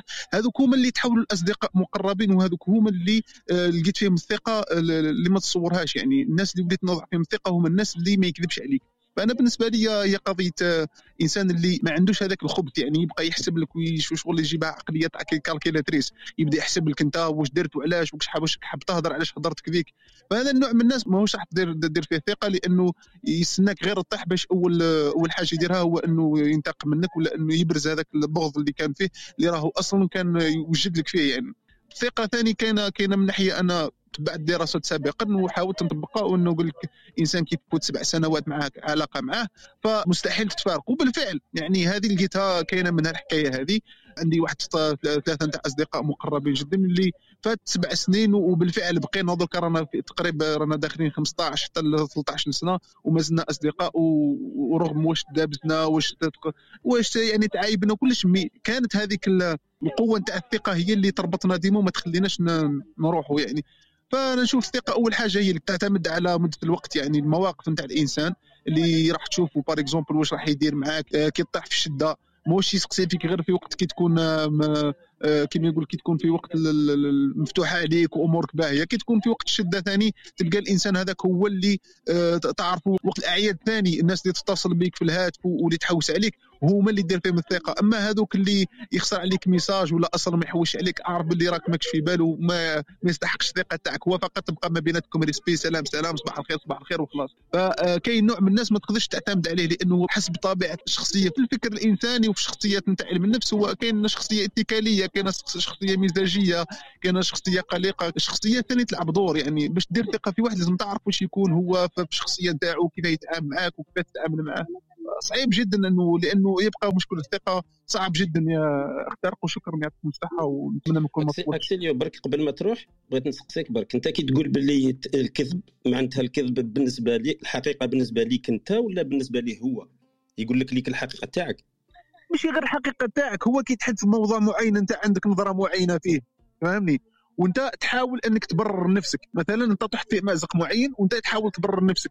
هو يجي يقول لك يقول لك ما ما تكذبش على روحك في البدايه هذاك الإنسان هو عارف هو عنده واحد النظرة آه، واحد النظره موضوعية ماشي ذاتية. يقول لك آه باللي انت بالنسبة ليك دوك بالنسبة ليك فهمتك. بالنسبة لروحك انت استدير هو زعما انت درت حاجة ويجي يقول لك الحاجة اللي ماشي مليحة فيك ولا الحاجة اللي مليحة فيك ما يكذبش فيها لا ما يجاملكش لأنه هذاك الشخص اللي يبقى يجامل فيك راه يكذب عليك لأنه آه مستحيل الإنسان ما يخدم ما يوقعش في الأخطاء وما يديرش غلطات. وذاك آه الإنسان بالنسبة لي يروح يتحكموا النرجسية والأنا وتلقى ديما يهضر بكلمة أنا بزاف. هو شخص يعني ما عندوش عنده آه، مهزوز مهزوز مهزوز مشاعر في في الشخصية نتاعو. ومن بعد يولي يحوس غير شكون اللي جامله برك شكون يهضر له هضرة مليحة ما يحوش يسمع مثلا الآراء فعادة ما إحنا نهزوا للبغض والنكر هو واحد اللي يهضرنا الحقيقة تاعنا. لأن الإنسان يريد سماع ما يريد سماعه ما يحبش يسمع مثلا الرأي فهمتني وبلاش الصدق أيضا في أمور أخرى. الصدق في أمور أخرى. أنت كنت سلفا على بالك باللي واش دار هذا الشخص. فهو مثلا إذا كذب عليك راح تفقد الثقة تاعك فيه. مثلا أنت على بالك باللي من مصدر معين باللي وصلاتك باللي ها واش دار وهو جا أنت كي سقسيته هو كذب عليك في وجهك فمباشرة هنا تتكسر الثقة. هذه لا لا هذه باينة هذه باين كي كي يكذب عليك في كذبة normal تحس باللي شغل الثقة. en tout cas انخدشت ولا لازم يصرا حاجة لازم لازم processus واحد آخر باش يعاود يرجعها وكل شيء. donc هذيني معك d'accord اما قضية أنه يقول لك كاع الحق اللي فيك وما لازمش يكذب عليك في الحق اللي أنت ما تشوفوش حق كي تكون عايش وتكون تبرر لروحك هذه برك اللي كنت باين تأكد منها. بارك الله فيك أكسيلي. يعطيك الصحة طارق. يعطيكم الصحة كامل تفضل يوسف. صحيت. واش كان يهضر دوكا اكسيليو رابيدمون جو بونس كو ماشي فريمون لا كونفيونس ولا فيغ كونفيونس اون كالكا مي نهضروا على الصراحه هنايا والصراحه سي فريمون ان اوتر سوجي تاع باش يجي واحد يقول لك كيما نقولوا لي كاتر فيريتي سي با فريمون ايفيدون اي سي ان سوجي ابار هذه حاجة اي لا كونفيونس فيها بزاف ما يقال وفيها انواع بار اكزومبل الثقة donc كاين الثقة في النفس وكاين الثقة في الآخرين. donc est-ce que رانا نهضروا على الثقة en général تما y compris الثقة في النفس ولا رانا نهضروا الثقة في الآخرين؟ آه عبد الحميد ولا طارق تقدروا قولوا لي بك باش نعرف باش نهضر. شو إلا حبيت باش عبد الحميد ما يتنواش منك ما تحكيلوش كاع عن الثقة في النفس؟ قال لك هذيك ما نحبوش نهضروا فيها فيها بزاف ال marketing لا أسمع لي هو مزيان حميد ما يسمعناش. غير بيني وبينك هو ما يسمعناش. طارق زعف علينا. هو يزعف عليك أنا باش ما تزعفش منه برك. لا لا أنا قلت له قلت له راه كاين marketing كبير على تاع الثقة في النفس وأنا مانيش باين روح la discussion c'est dommage تروح غير في هذا ال sens parce que الثقة في النفس c'est un autre sujet mais بالنسبة لي أنا ما شغل لو كاين marketing كبير عليها وفصلنا فيها نظن هضرنا عليها مع أمينة فادتنا. شو داكور شو داكور معك باللي كاين كاين واحد لا مانيير راهي ستريت لا كونفيونس ان سوا شغل ميم أنا بيرسونيلمون شوي كونتر مي بون عندك الحق. أنا جالي بارلي على عفايس واحد آخرين مي بون عندك الحق. نهضر على الثقة في الآخرين. إي با جو بونس الحاجة الأولى باش تحس روحك في ثقة سي شغل عندك هذاك لو سونتيمون لازم تكون اون سيكوريتي ما نهضرش ثقه في إنسان. نهضر الثقة في زعما par exemple دروج راني حاب راني طالعهم bon راني جايز وحبيلة راني رايح نعلق بها حاجة ولا راني رايح نطلع بها صور ولا شغل عندي ثقة في هذه الحبيلة. واش معناتها؟ معناتها je suis sûr que هذه الحبيلة راح تخليني ندير وراح تخليني نحس en sécurité باش نلحق l'objectif اللي راني حابو. donc c'est un sentiment de sécurité لازم يكون عندي envers la personne et c'est un sentiment de sûreté تسمى عندي واحد الإيمان باللي كلش راح يجوز bien envers هذيك la personne ولا envers هذيك la chose et تسمى واش كما la fin في les relations la relation l'objectif principal تاعها c'est quoi c'est c'est le bien-être تسمى اذا ما عنديش le bien-être تاعي ما رانيش مليح في la relation donc la sécurité et la sûreté par rapport le bien-être اللي عندي مع هاد la personne تسمى في راسي راني مهني وتانيك هضرنا عليها la dernière fois كي قصرنا على l'amitié ت existé partout هادي c'est l'échelle de valeur et la relation تاعنا elle est basée sur quoi donc si c'est une amitié راهي une amitié وين فيها l'intimité شوية فيها les secrets فيها تاع كي نحصل نقدر نلقاك فيها وين je peux compter sur toi فيها passer de bons moments et tout. mais لو كان نروحو sur une relation amoureuse وين un mariage et tout حنايا c'est pas le même type de confiance mais رانا ندورو toujours sur la sécurité et la sûreté et le bien-être. اسمع يوسف يوسف معليش اليوم بانت لي عليك راني بان نقصر معاك شوية معليش. راك تخبط تخبط راك تخبط باش نوجد لا حسنا شوف حسنا. أنت قلت لي قلت لنا مثلا كوردة ولا حبيلة شغل لازم تكون سير باش ترفد بها ولا تشد فيها روحك. خصك تكون سير تسمى كاين تخيل أنت راك تمشي هكذا وواحد يجيك هكذا مقلق يقول لك باللي اسمح لي خويا vraiment لازم نعيط دروك والتليفون تاعي يسرقوه لي ولازم نعيط دروك. تعطي له التليفون ولا ما تعطيلوش؟ ما عندك aucun critère باش ت vérifier في الحبيلة هذه. أنا هنايا personnellement ما نمدش ما نمدش. non voilà كمل. صح. وعلاش هذا السؤال. علاش قصر روحك أنا تبان لي مادام يوسف قال لك ما نمدش هو sûr le premier اللي يمد على بالك. الناس اللي يقول لك ما نمدش كي يكون في الشارع ويشوف مراه تبكي وتعيط وتقول له يا وليدي سرقوا لي تليفوني تلقاه يهزها ويدخلها لا مانيش عارف أنا يخلص لها ال restaurant قاعدين. يوسف راك sûr باللي ما تمدش تليفون كي يجيك واحد يبكي يقول لك سرقوا لي أعطيني نعيط لوليدي؟ وتجيك مراه كبيرة وعجوز وكاع تليفون برا هكا non ما نكذبش. برك يوسف آه. مثلا تخي imaginons باللي parce que مرة واحد أنا ما حكيتها لكش هكذا برك. مرة كنا نحكوا هكا واحد صاحبي قال لي أنا صارت لي مرة عفسة. شغل هو كان étudiant ما عندوش كاع دراهم كان تليفون غالي ذاك الوقت malgré ماشي هذو ال smartphone هيا وقال لي شغل هكذا صارت له لقطة كيما هكذا. واحد قال له معليش نعيط vraiment راني حاصل. عطى له التليفون والاخر هرب يجري. قال لي من بعد أنا دوك أنا كيفاش نبدأ نقدر ندير confiance في الناس؟ فهمتني كيفاش؟ شغل هذا على ذيك اللي بوزيت لك la question d'accord OK هنا شغل أنا sûr بلي عندها علاقة مع la confiance هذا المثال شغل ما, نقدرش parce que باش دير باش تقدر تسمي. أنا ليا bien sûr رايي الشخصي باش تقدر تقول باللي أنا راني داير confiance في هذا الإنسان c'est que نتايا راك لازم تعاشروا لازم شغل يصراو عفايس بيناتكم. ماشي تقول هكا راني داير confiance فيه وخلاص. la confiance تاعك هذه basée sur quoi je pense que المثال اللي نتاع عبد الحميد تاع التليفون منا ما راكش داير confiance في la personne راك داير confiance في la valeur اللي هي ما كاش اللي يسرق donc سما c'est une échelle de valeur راك تامن به آه هذه هي اللي بغيت آه eh bien أنا قلت لك اليوم نلها لك خلاص بوشمون تاع les valeurs انك انت لازم دير الخير au même temps عندك problème تاع la valeur اللي تحكي عليها تاع la confiance كي يصرى لك هذاك شوفوشمون خصك تسيب solution في الوسط أنا بالنسبة لي شغل أنا vraiment كي قالها لي choqua ني شغل ما عرفتش كيفاش نفكر. من بعد قلت انايا علاش؟ أنا دوك راني باغي ندير فيها الخير. تسمى دوك لازم نقطع كاع الخير. أنا أنا قلت نجاوبه غير على المثال تاعو. قلت له سهله شغل ن essayer ن former ال numéro تاع التليفون ونحط لك التليفون في ودنك وتهضر على راني معك وهضر على روحك. oui exactement donc حنايا رانا نديرو في اسمه la confiance في la valeur اللي هي le vol on peut pas voler mais rien nous prouve que مادام ت existé la valeur que واحد ما يقدرش ما يقدرش يدير عفسه contraire cette valeur justement, j'allais parler des valeurs parce que euh, l'échelle de valeur اللي يربطك انت بين la personne il est très important في la confiance كيما هضر من قبل اللي كان قبلي اليكسيو نسيت اسمه يسمح لي هضر على الكذب d'accord دوك انايا اذا راني معاك عبد الحميد وانايا شغل الكذب c'est une valeur qui très importante pour moi شغل ما من Euh, je ne peux pas, je peux pas m'empêcher ou m'en passer de, de, de quelqu'un اللي ما يكذبش اذا يكذب السلام عليكم أنا ليا هكا تسمى c'est important d'avoir le même échelle de valeur مع مع la personne et l'échelle de valeur يتبدل على حسب la relation donc أنا une amitié ماشي كيما un couple ماشي كيف كيف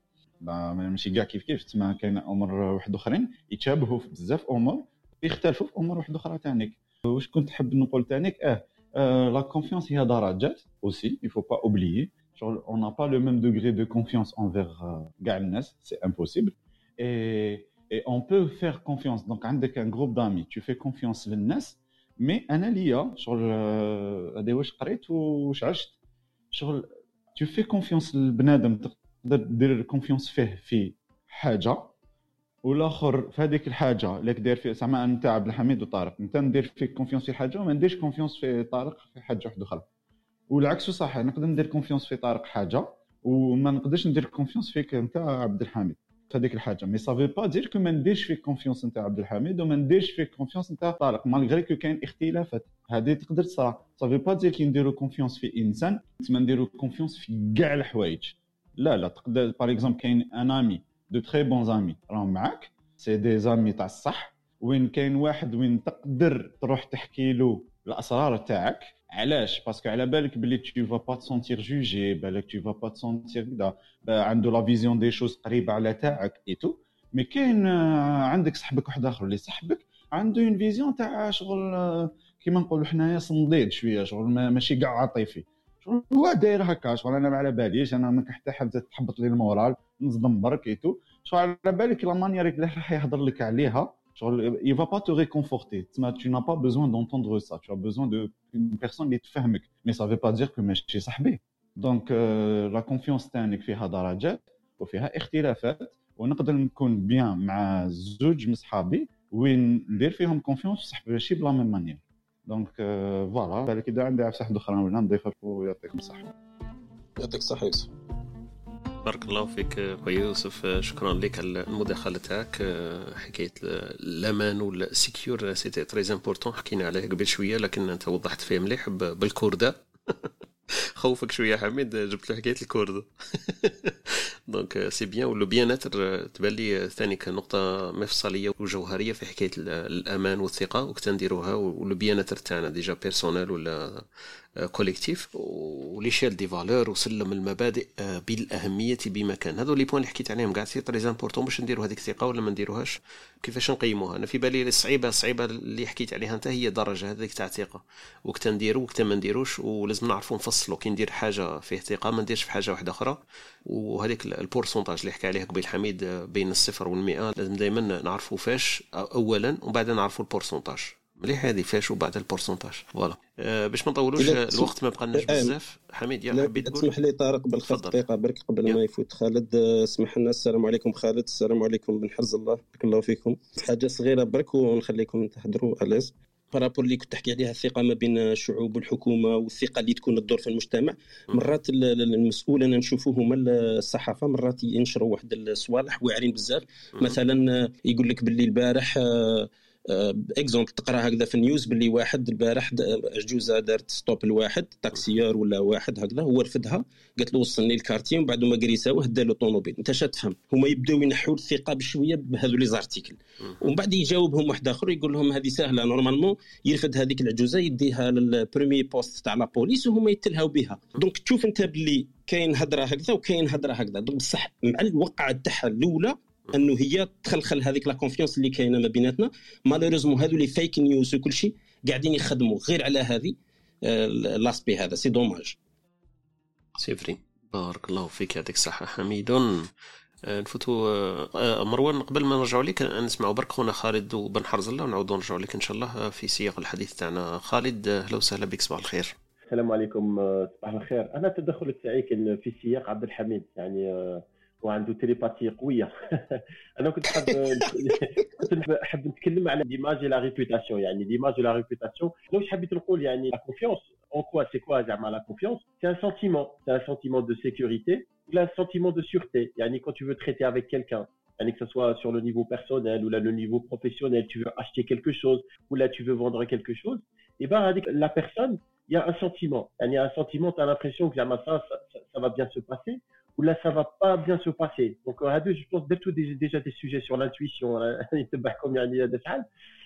c'est compliqué c'est compliqué ça peut se baser sur le subconscient ça peut se passer sur un geste que tu as mal interprété etc ou c'est une question euh, d'éducation يعني انا حبيت نجاوب على المثال تاع عبد الحميد يعني quand tu marches dans la rue il y a une personne il y a une, qui te donne qui te le, le, téléphone Anna par exemple il y a très longtemps de mettre le téléphone normal le téléphone et j'ai un sentiment de sûreté que ça va bien se passer parce que je crois avec la personne qu'il est en détresse etc il y a tu vois essaie de détecter donc les signaux extérieurs ou tu vois soit tu te trompes ou là tu te trompes pas bah tu prends le téléphone après plus il y a tu as des expériences parce que ça dépend de l'éducation familiale quelle éducation là tu fais confiance en personne y tes parents tu parles même à un enfant, que je te parle pas, tu es un étranger pour moi. Euh, la confiance, par défaut, elle est à zéro. وهذاك le petit ou la petite ملي تكبر تبدا تتعلم يعني elle fait ses propres expériences تتعلم etc وكاين العكس يقول لك يعني des familles encouragent يقول لك دير الخير يعني يعني تشوف واحد il est en panne ولا واحد il a besoin par exemple d'argent ولا وتشوف يعني باللي نتايا tu peux l'aider tu vas le faire et حبيت نضيف un autre la confiance est un sentiment très très intéressant. Qui m'a parlé euh, euh, Kofi Annan avec euh, l'ONU, il a dit que comment tu évolues, tu évolues, yani le niveau de maturité ou le niveau de, développement d'une société, tu, peux te baser sur la qualité qu'entretiennent les gens entre eux, c'est-à-dire la qualité des relations qu'entretiennent les gens entre eux. Yani quand on dans les pays, je me rappelle il y, a, il y, a, très longtemps, il y a très longtemps, mon père, Yani Erkeli, l'est à la France, les gens par exemple, ils ferment pas leurs portes ils ferment pas leurs portes et ils ferment pas leurs voitures. Donc là c'était avant les choses ont changé. Il y a d'autres endroits, il y a le monde, hein, j'imagine, la campagne américaine ou là dans des pays nordiques, etc. Kamel, je avec l'exemple de la Suisse.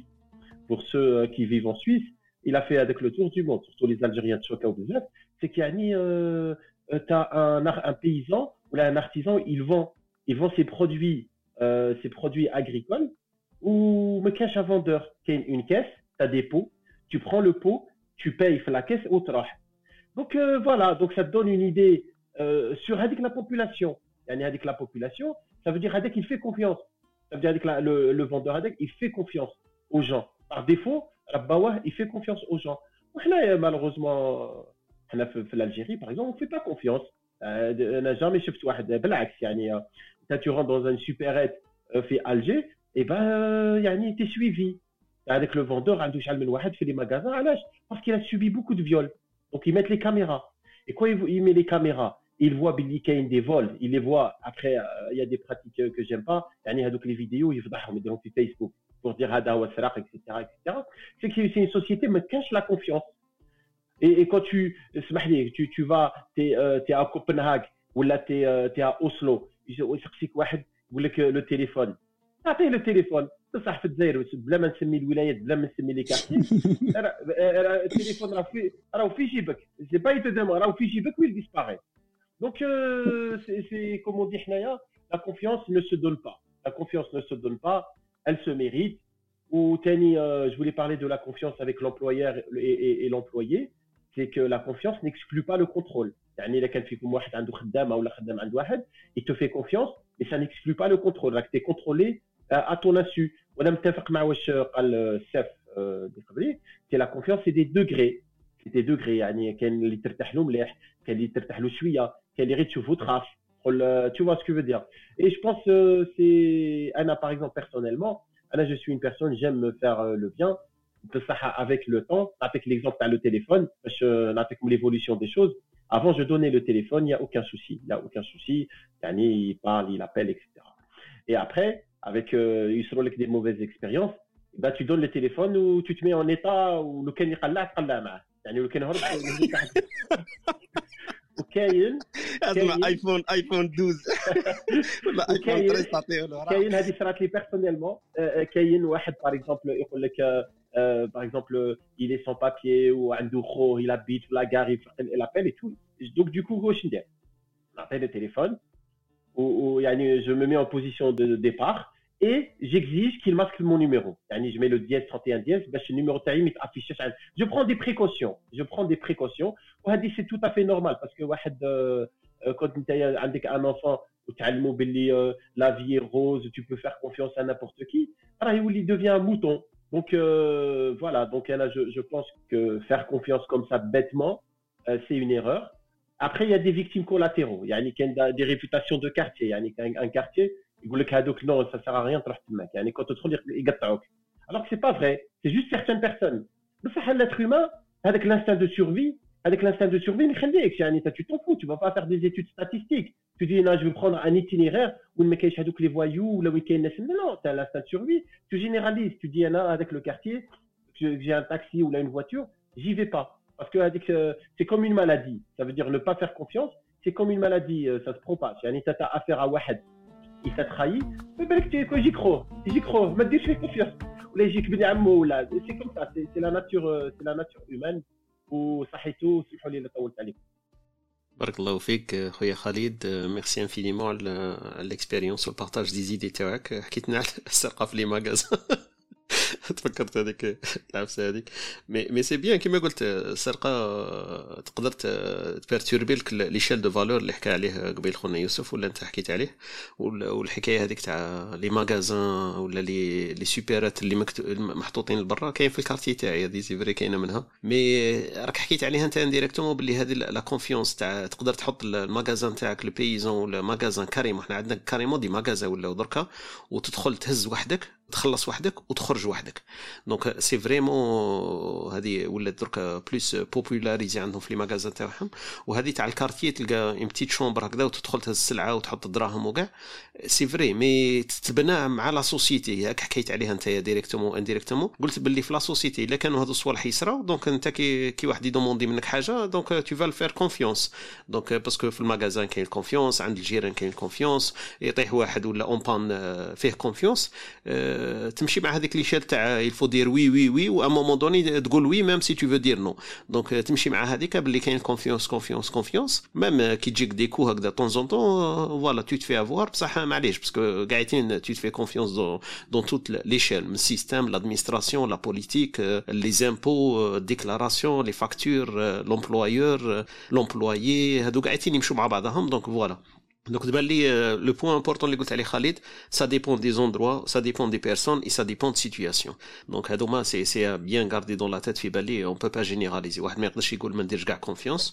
ولا ما ندير confiance حتى واحد ça dépend des cas. و surtout le point اللي حكيت عليه تاع العمل ما بقاناش بزاف الوقت sinon كنا نيفوليو فيه حكايه تاع ال confiance تاع الخدامين le corona d'après ce qu'on apprend maintenant هادو les deux deux ans ولا كاين ال home office بصح ما حكيناش بزاف حكايه ال confiance تاع ال home office c'était un des problèmes اللي كانوا les employeurs ما يخلوش الناس يخدموا في ديارهم maintenant ils sont obligés مع الكورونا mais quand même si ça revient pas c'est à cause aussi de confiance باللي لو زومبلويور ما راهمش دايرين ال confiance في les employés تاعهم يخلوهم يخدموا من الدار parce que هذاك يفاكتيرو له 8 heures ولا خدم 3 اور 5 اور مي il est pas sûr باللي c'est vrai ce qu'il a fait donc هذيك ال question تاع ال confiance employeur employé ça reviendra donc on verra بلي حكايه confiance كانوا الناس على بالهم بلي الخدمه اللي يخدموها في الدار ولا يخدموها في البيرو c'était administratif c'est complètement faisable à la maison donc قادر يخدم الخدمه هذيك من الدار تاعو لكن حكاية الثقة هي اللي كانت شوية الحلقة المفقودة يمكن. بالكورونا كانوا مجبرين غير مخيرين لكن بعد الكورونا يبان لنا الأمور هذه ويبانوا على حسب les situations على حسب les employeurs و les employés وعلى حسب la personnalité تاع الإنسان هذاك.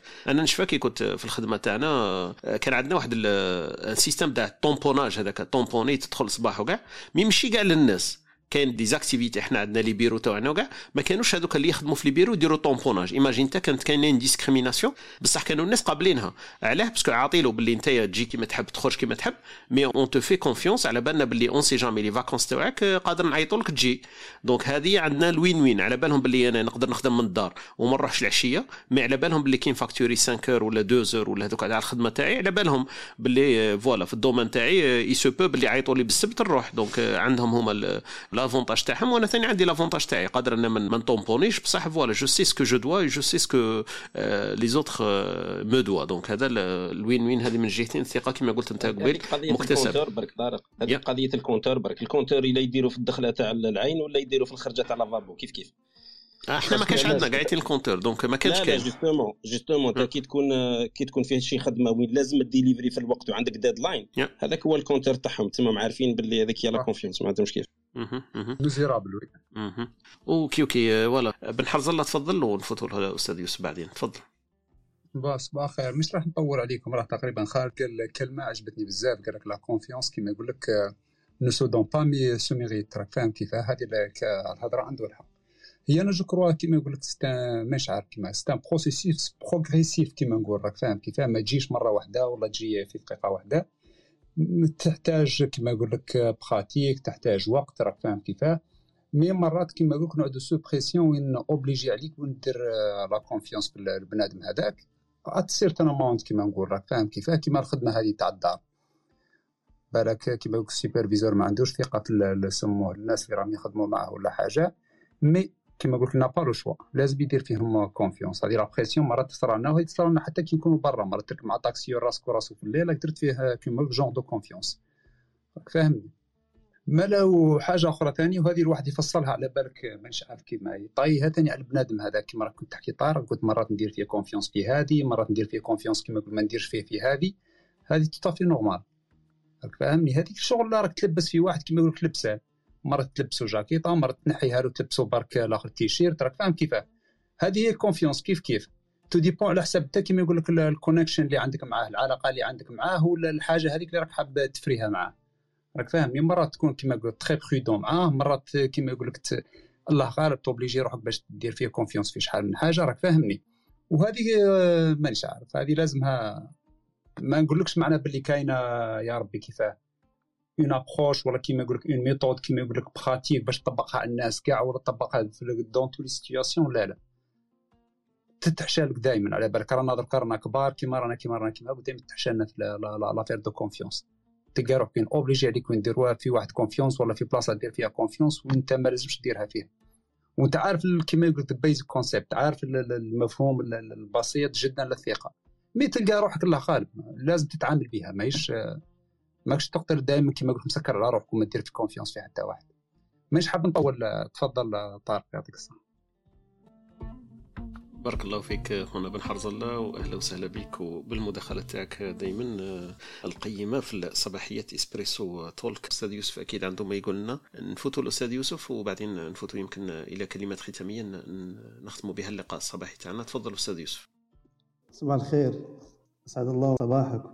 أهلا وسهلا. مرحبا بك والله أنا حاب نحكي واحد القصة وحاب نشوف ردة فعل ولا تعليق أخي عبد الحميد. خاصة يعني أنا نعرف يعني دائما تدخلات عندها طعم خاص يعني. يعني هي تحكى أنه عبد الله بن مسعود جاءه واحد وطلب منه صدقة فأعطاه. جاء قالوا له يا يا عبد الله بن مسعود فلان هو يشرب الخمر فمبتلى. عادي. المرة الثانية نفس الأمر كذلك حدث معه جاء طلب منه صدقة فأعطاه. والمرة الثالثة كذلك جاء أعطاه. ففي المرة الأخيرة لما الثالثة قالوا له يا فلان أنه هذا الرجل هذه الصدقة اداها وشرب. قال لهم كلمة مليحة شوية أنا تظهر لي لأنه قال لهم إننا لننخدع لمن يخدعنا في الله. فاني حاب شوية تعليق عبد الحميد. أنا يظهر لي أنه فعلا هو الثقة هو مبنيه نظن على أمرين نظن هو حسن الظن اولا ثم عدم التسرع اللي يمكن ما ليست الثقة أنا نظن مبنية اولا على القيمة اللي حكوا عليها كلهم. أنا ما لم أسمع كل المداخلات. ونظن آه، كاين أشياء ممكن الإنسان ما تضروش ما تقدم ولا تأخر ممكن يمدها وكذا. في أشياء تبنى عليها مصائر يعني مش عارف مشاريع حياة مش عارف آه، مشروع زواج. في هذه الأشياء نظن هذا الإنسان اللي المفروض أنه ما يدرسها مليح وتحتاج إلى أنه الواحد ما يعطيهاش أي كان لأنه مشكل إلى دخلنا في كذلك عدم حسن الظن بدينا ندخل في هذا الإشكال كذلك. أنا أؤمن بواحد المقولة جميلة في هذا المجال أنه تقول انه الثقة بك هو قراري إثبات صوابي هو اختيارك. يعني مانيش حاب نطول وهذا هو. شكرا جزيلا لكم.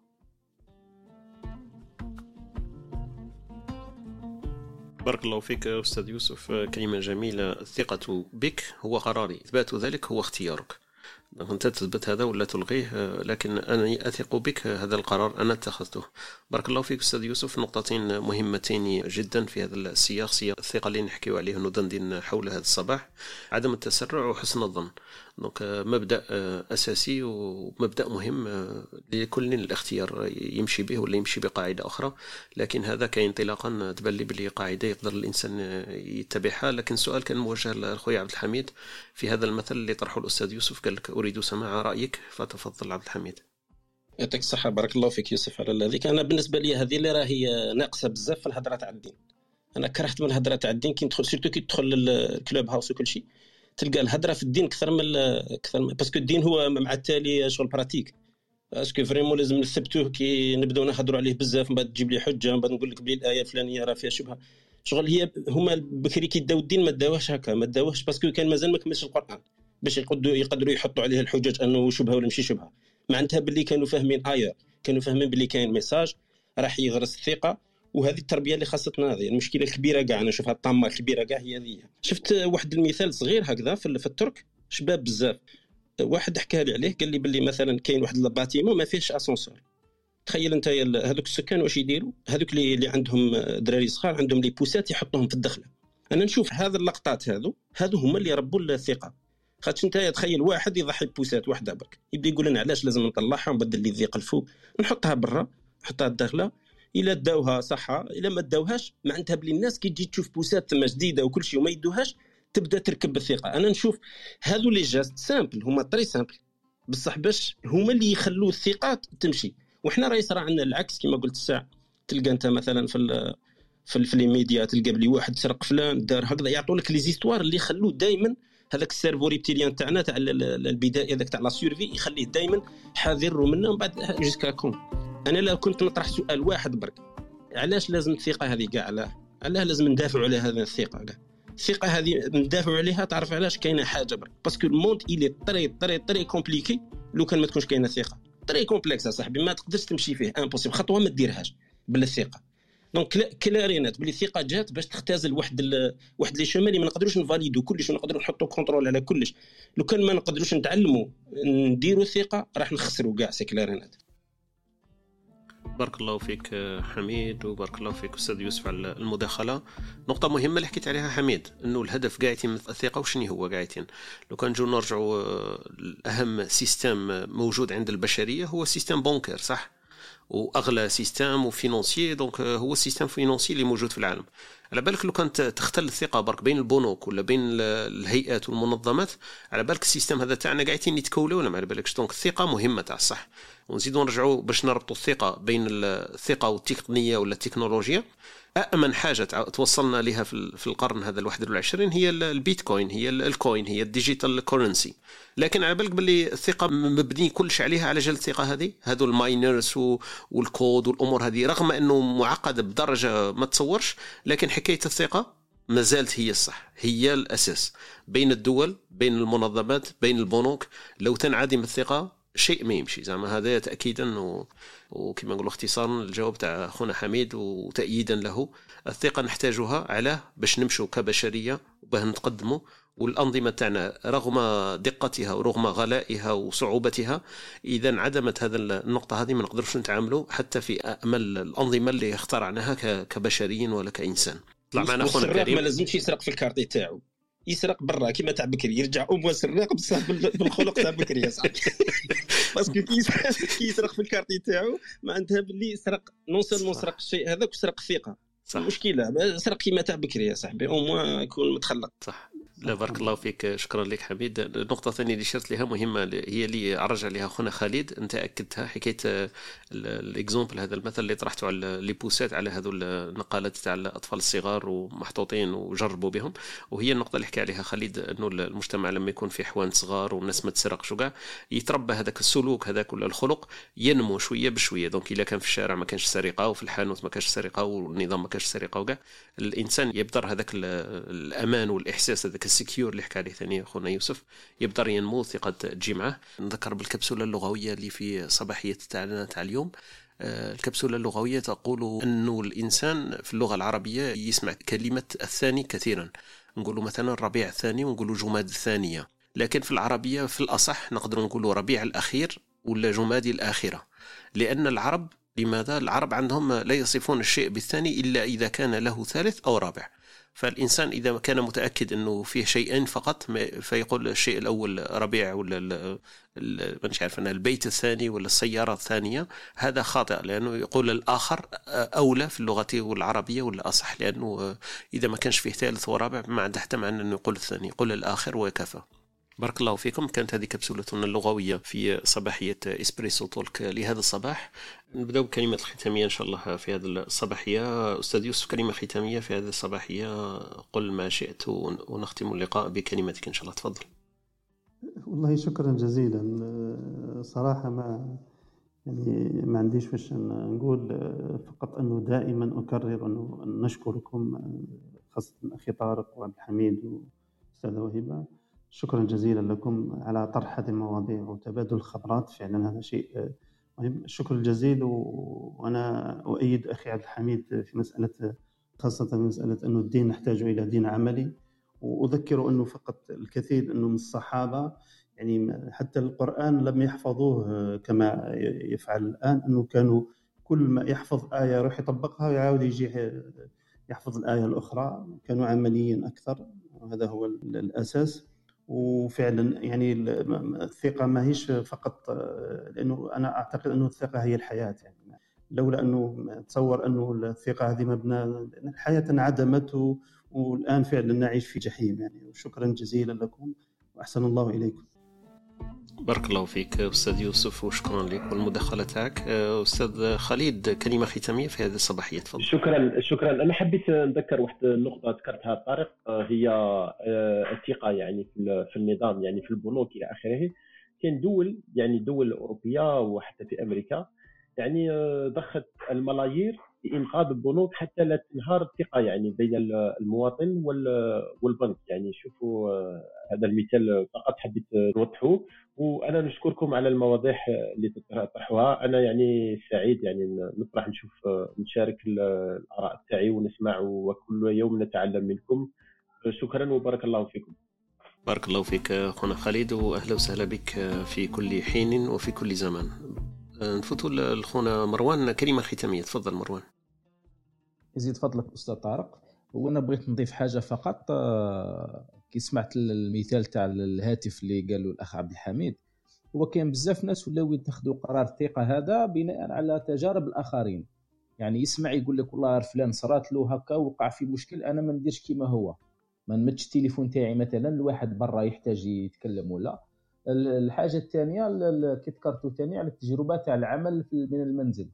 إحنا في الشركة اللي نعمل فيها أنا مطبقين هذا النظام منذ 2010 يعني من قبل ما تجي كورونا ومن قبل هذه. ولكن وقعوا في المشكل هذا تاع تلقى تحس تشوف واحد مثلا تفيق له باللي راه راه يغش ما راهش يخدم مليح ما راهش راه يغيب فترة هكا. بصح يقول لك كي تسينيالي يقول لك الله غالب خليه بينه وبين بينه وبين مولاه ما عندنا ما نديروا له. وبارك الله فيكم ويعطيكم الصحة. شكرا لك أستاذ مروان وشكرا على المداخلة تاعك والاهتمام باللقاءات الصباحية تاعنا. بارك الله فيك أختي أمينة. كلمة ختامية في هذه الصباحية تفضلي. حابين نقول إنه دائما كاين فرصة يعني للثقة من جديد يعني سواء في في في الشعوب أو في في الأشخاص. الإنسان دائما يعطي فرصة لنفسه فرصة للآخر من أجل ترميم بعض العلاقات. الإنسان يتغير فمن ذلك ما نحكموش حكم مطلق يعني إنه خلاص هذا الإنسان ما فيش ثقة أو هذا أو هذا الجزء من الحياة هذا ما فيش ثقة. بالعكس الإنسان يمر يتعامل مع مع الحياة بتوازن. يحب الحياة ويثق فيها لأنه في النهاية الحياة عنيدة وتعلمنا بزاف أمور. شكرا وأنا عندي ثقة فيكم من خلال هذا البرنامج وبارك الله فيكم. بارك الله فيك وشكرا لك. وإن شاء الله الثقه تاعك مصونة ولن تخان ولا لن لن تخيب ولن تخان إن شاء الله. بارك الله فيك أختي أمينة وشكرا لك على المداخلة تاعك. مليحه هذه تاع كل إنسان يستأهل فرصة ثانية. نفوتو خونا يوسف كلمة ختامية في هذه الصباحية. تفضل. صحيت. bon بلا ما نقول لك بلي ça me fait toujours plaisir de participer ومعاكم كاع ونستفاد منكم وعرفت عباد ملاح منا. غاسا بيروم ويعطيك الصحة وربي يوفق ويكمل إن شاء الله. حبيت نزيد حاجة لازم أنا ليا الثقة شغل كيما قالوا كاع ماش نعاود اللي لازم تكون مهمة mais en réalité واش راهي دير الثقة؟ c'est شغل on est en train de nous protéger رانا نبروتيجيو في نفوسنا بهذه الثقة. تما دير ثقة في إنسان معناتها راك تخلق un process un mécanisme باش يبروتيجيك انت في la relation اللي راك فيها وباش تكون هاد la relation win-win c'est important إذا ما تكونش la relation win-win إذا ما راكش dans un contexte اللي يخليك تكون win-win ويخليك تكون في le bien تاعك هنايا automatiquement la confiance مش راح تكون parce que راك راح دير confiance في بنادم خاطر أنت تحتاجها ماشي وهو يحتاجها. ماشي دير confiance هكذاك برك ما رانيش نديرو في مزية في الناس. non رانا نديرو مزية في روحنا. donc on se protège بهذا le mécanisme اللي اسمو faire confiance aux autres donc هذا واش كنت حاب نضيف.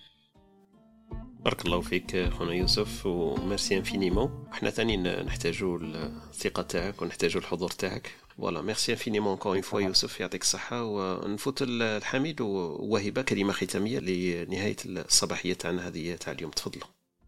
بعد كاع الكلام اللي قالوا يعني ما عندنا حتى إضافة إلا أنه فقط نبقى أنا دائما في الكونسيبت نتاع الوسطية يعني دائما الإنسان يكون لا شكاك ولا يثق بسهولة يعني حتى يولي نية يعني فقط خير الأمور أوسطها وشكرا لكم. لولا الثقة ما كناش معكم اليوم لأن نثق في الروم هذه وفي أصحابها وفي القيمة اللي راهي تعطيها.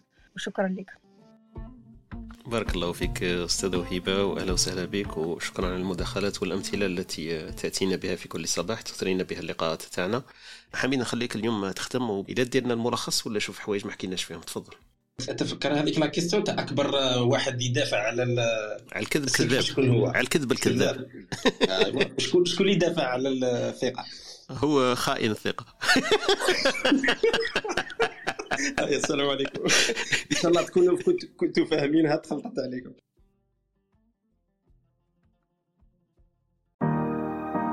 شكرا لاستماعكم لبرنامجنا. كنتم مع Espresso Talk مع طارق. تابعونا live يوميا من الاثنين حتى الجمعة. تجدون تسجيل في شكل بودكاست على موقعنا Studio dash T dot FM أو على Spotify أو Apple Podcast أو منصتكم المفضلة للبودكاست. لا تنسى أن تشاركه مع من يمكن أن يهمه موضوع الحلقة. ليصلك تنبيه عند بدء غرفنا الرجاء الانضمام إلى ال club Studio dash T dot FM عبر الضغط على البيت الأخضر في الأعلى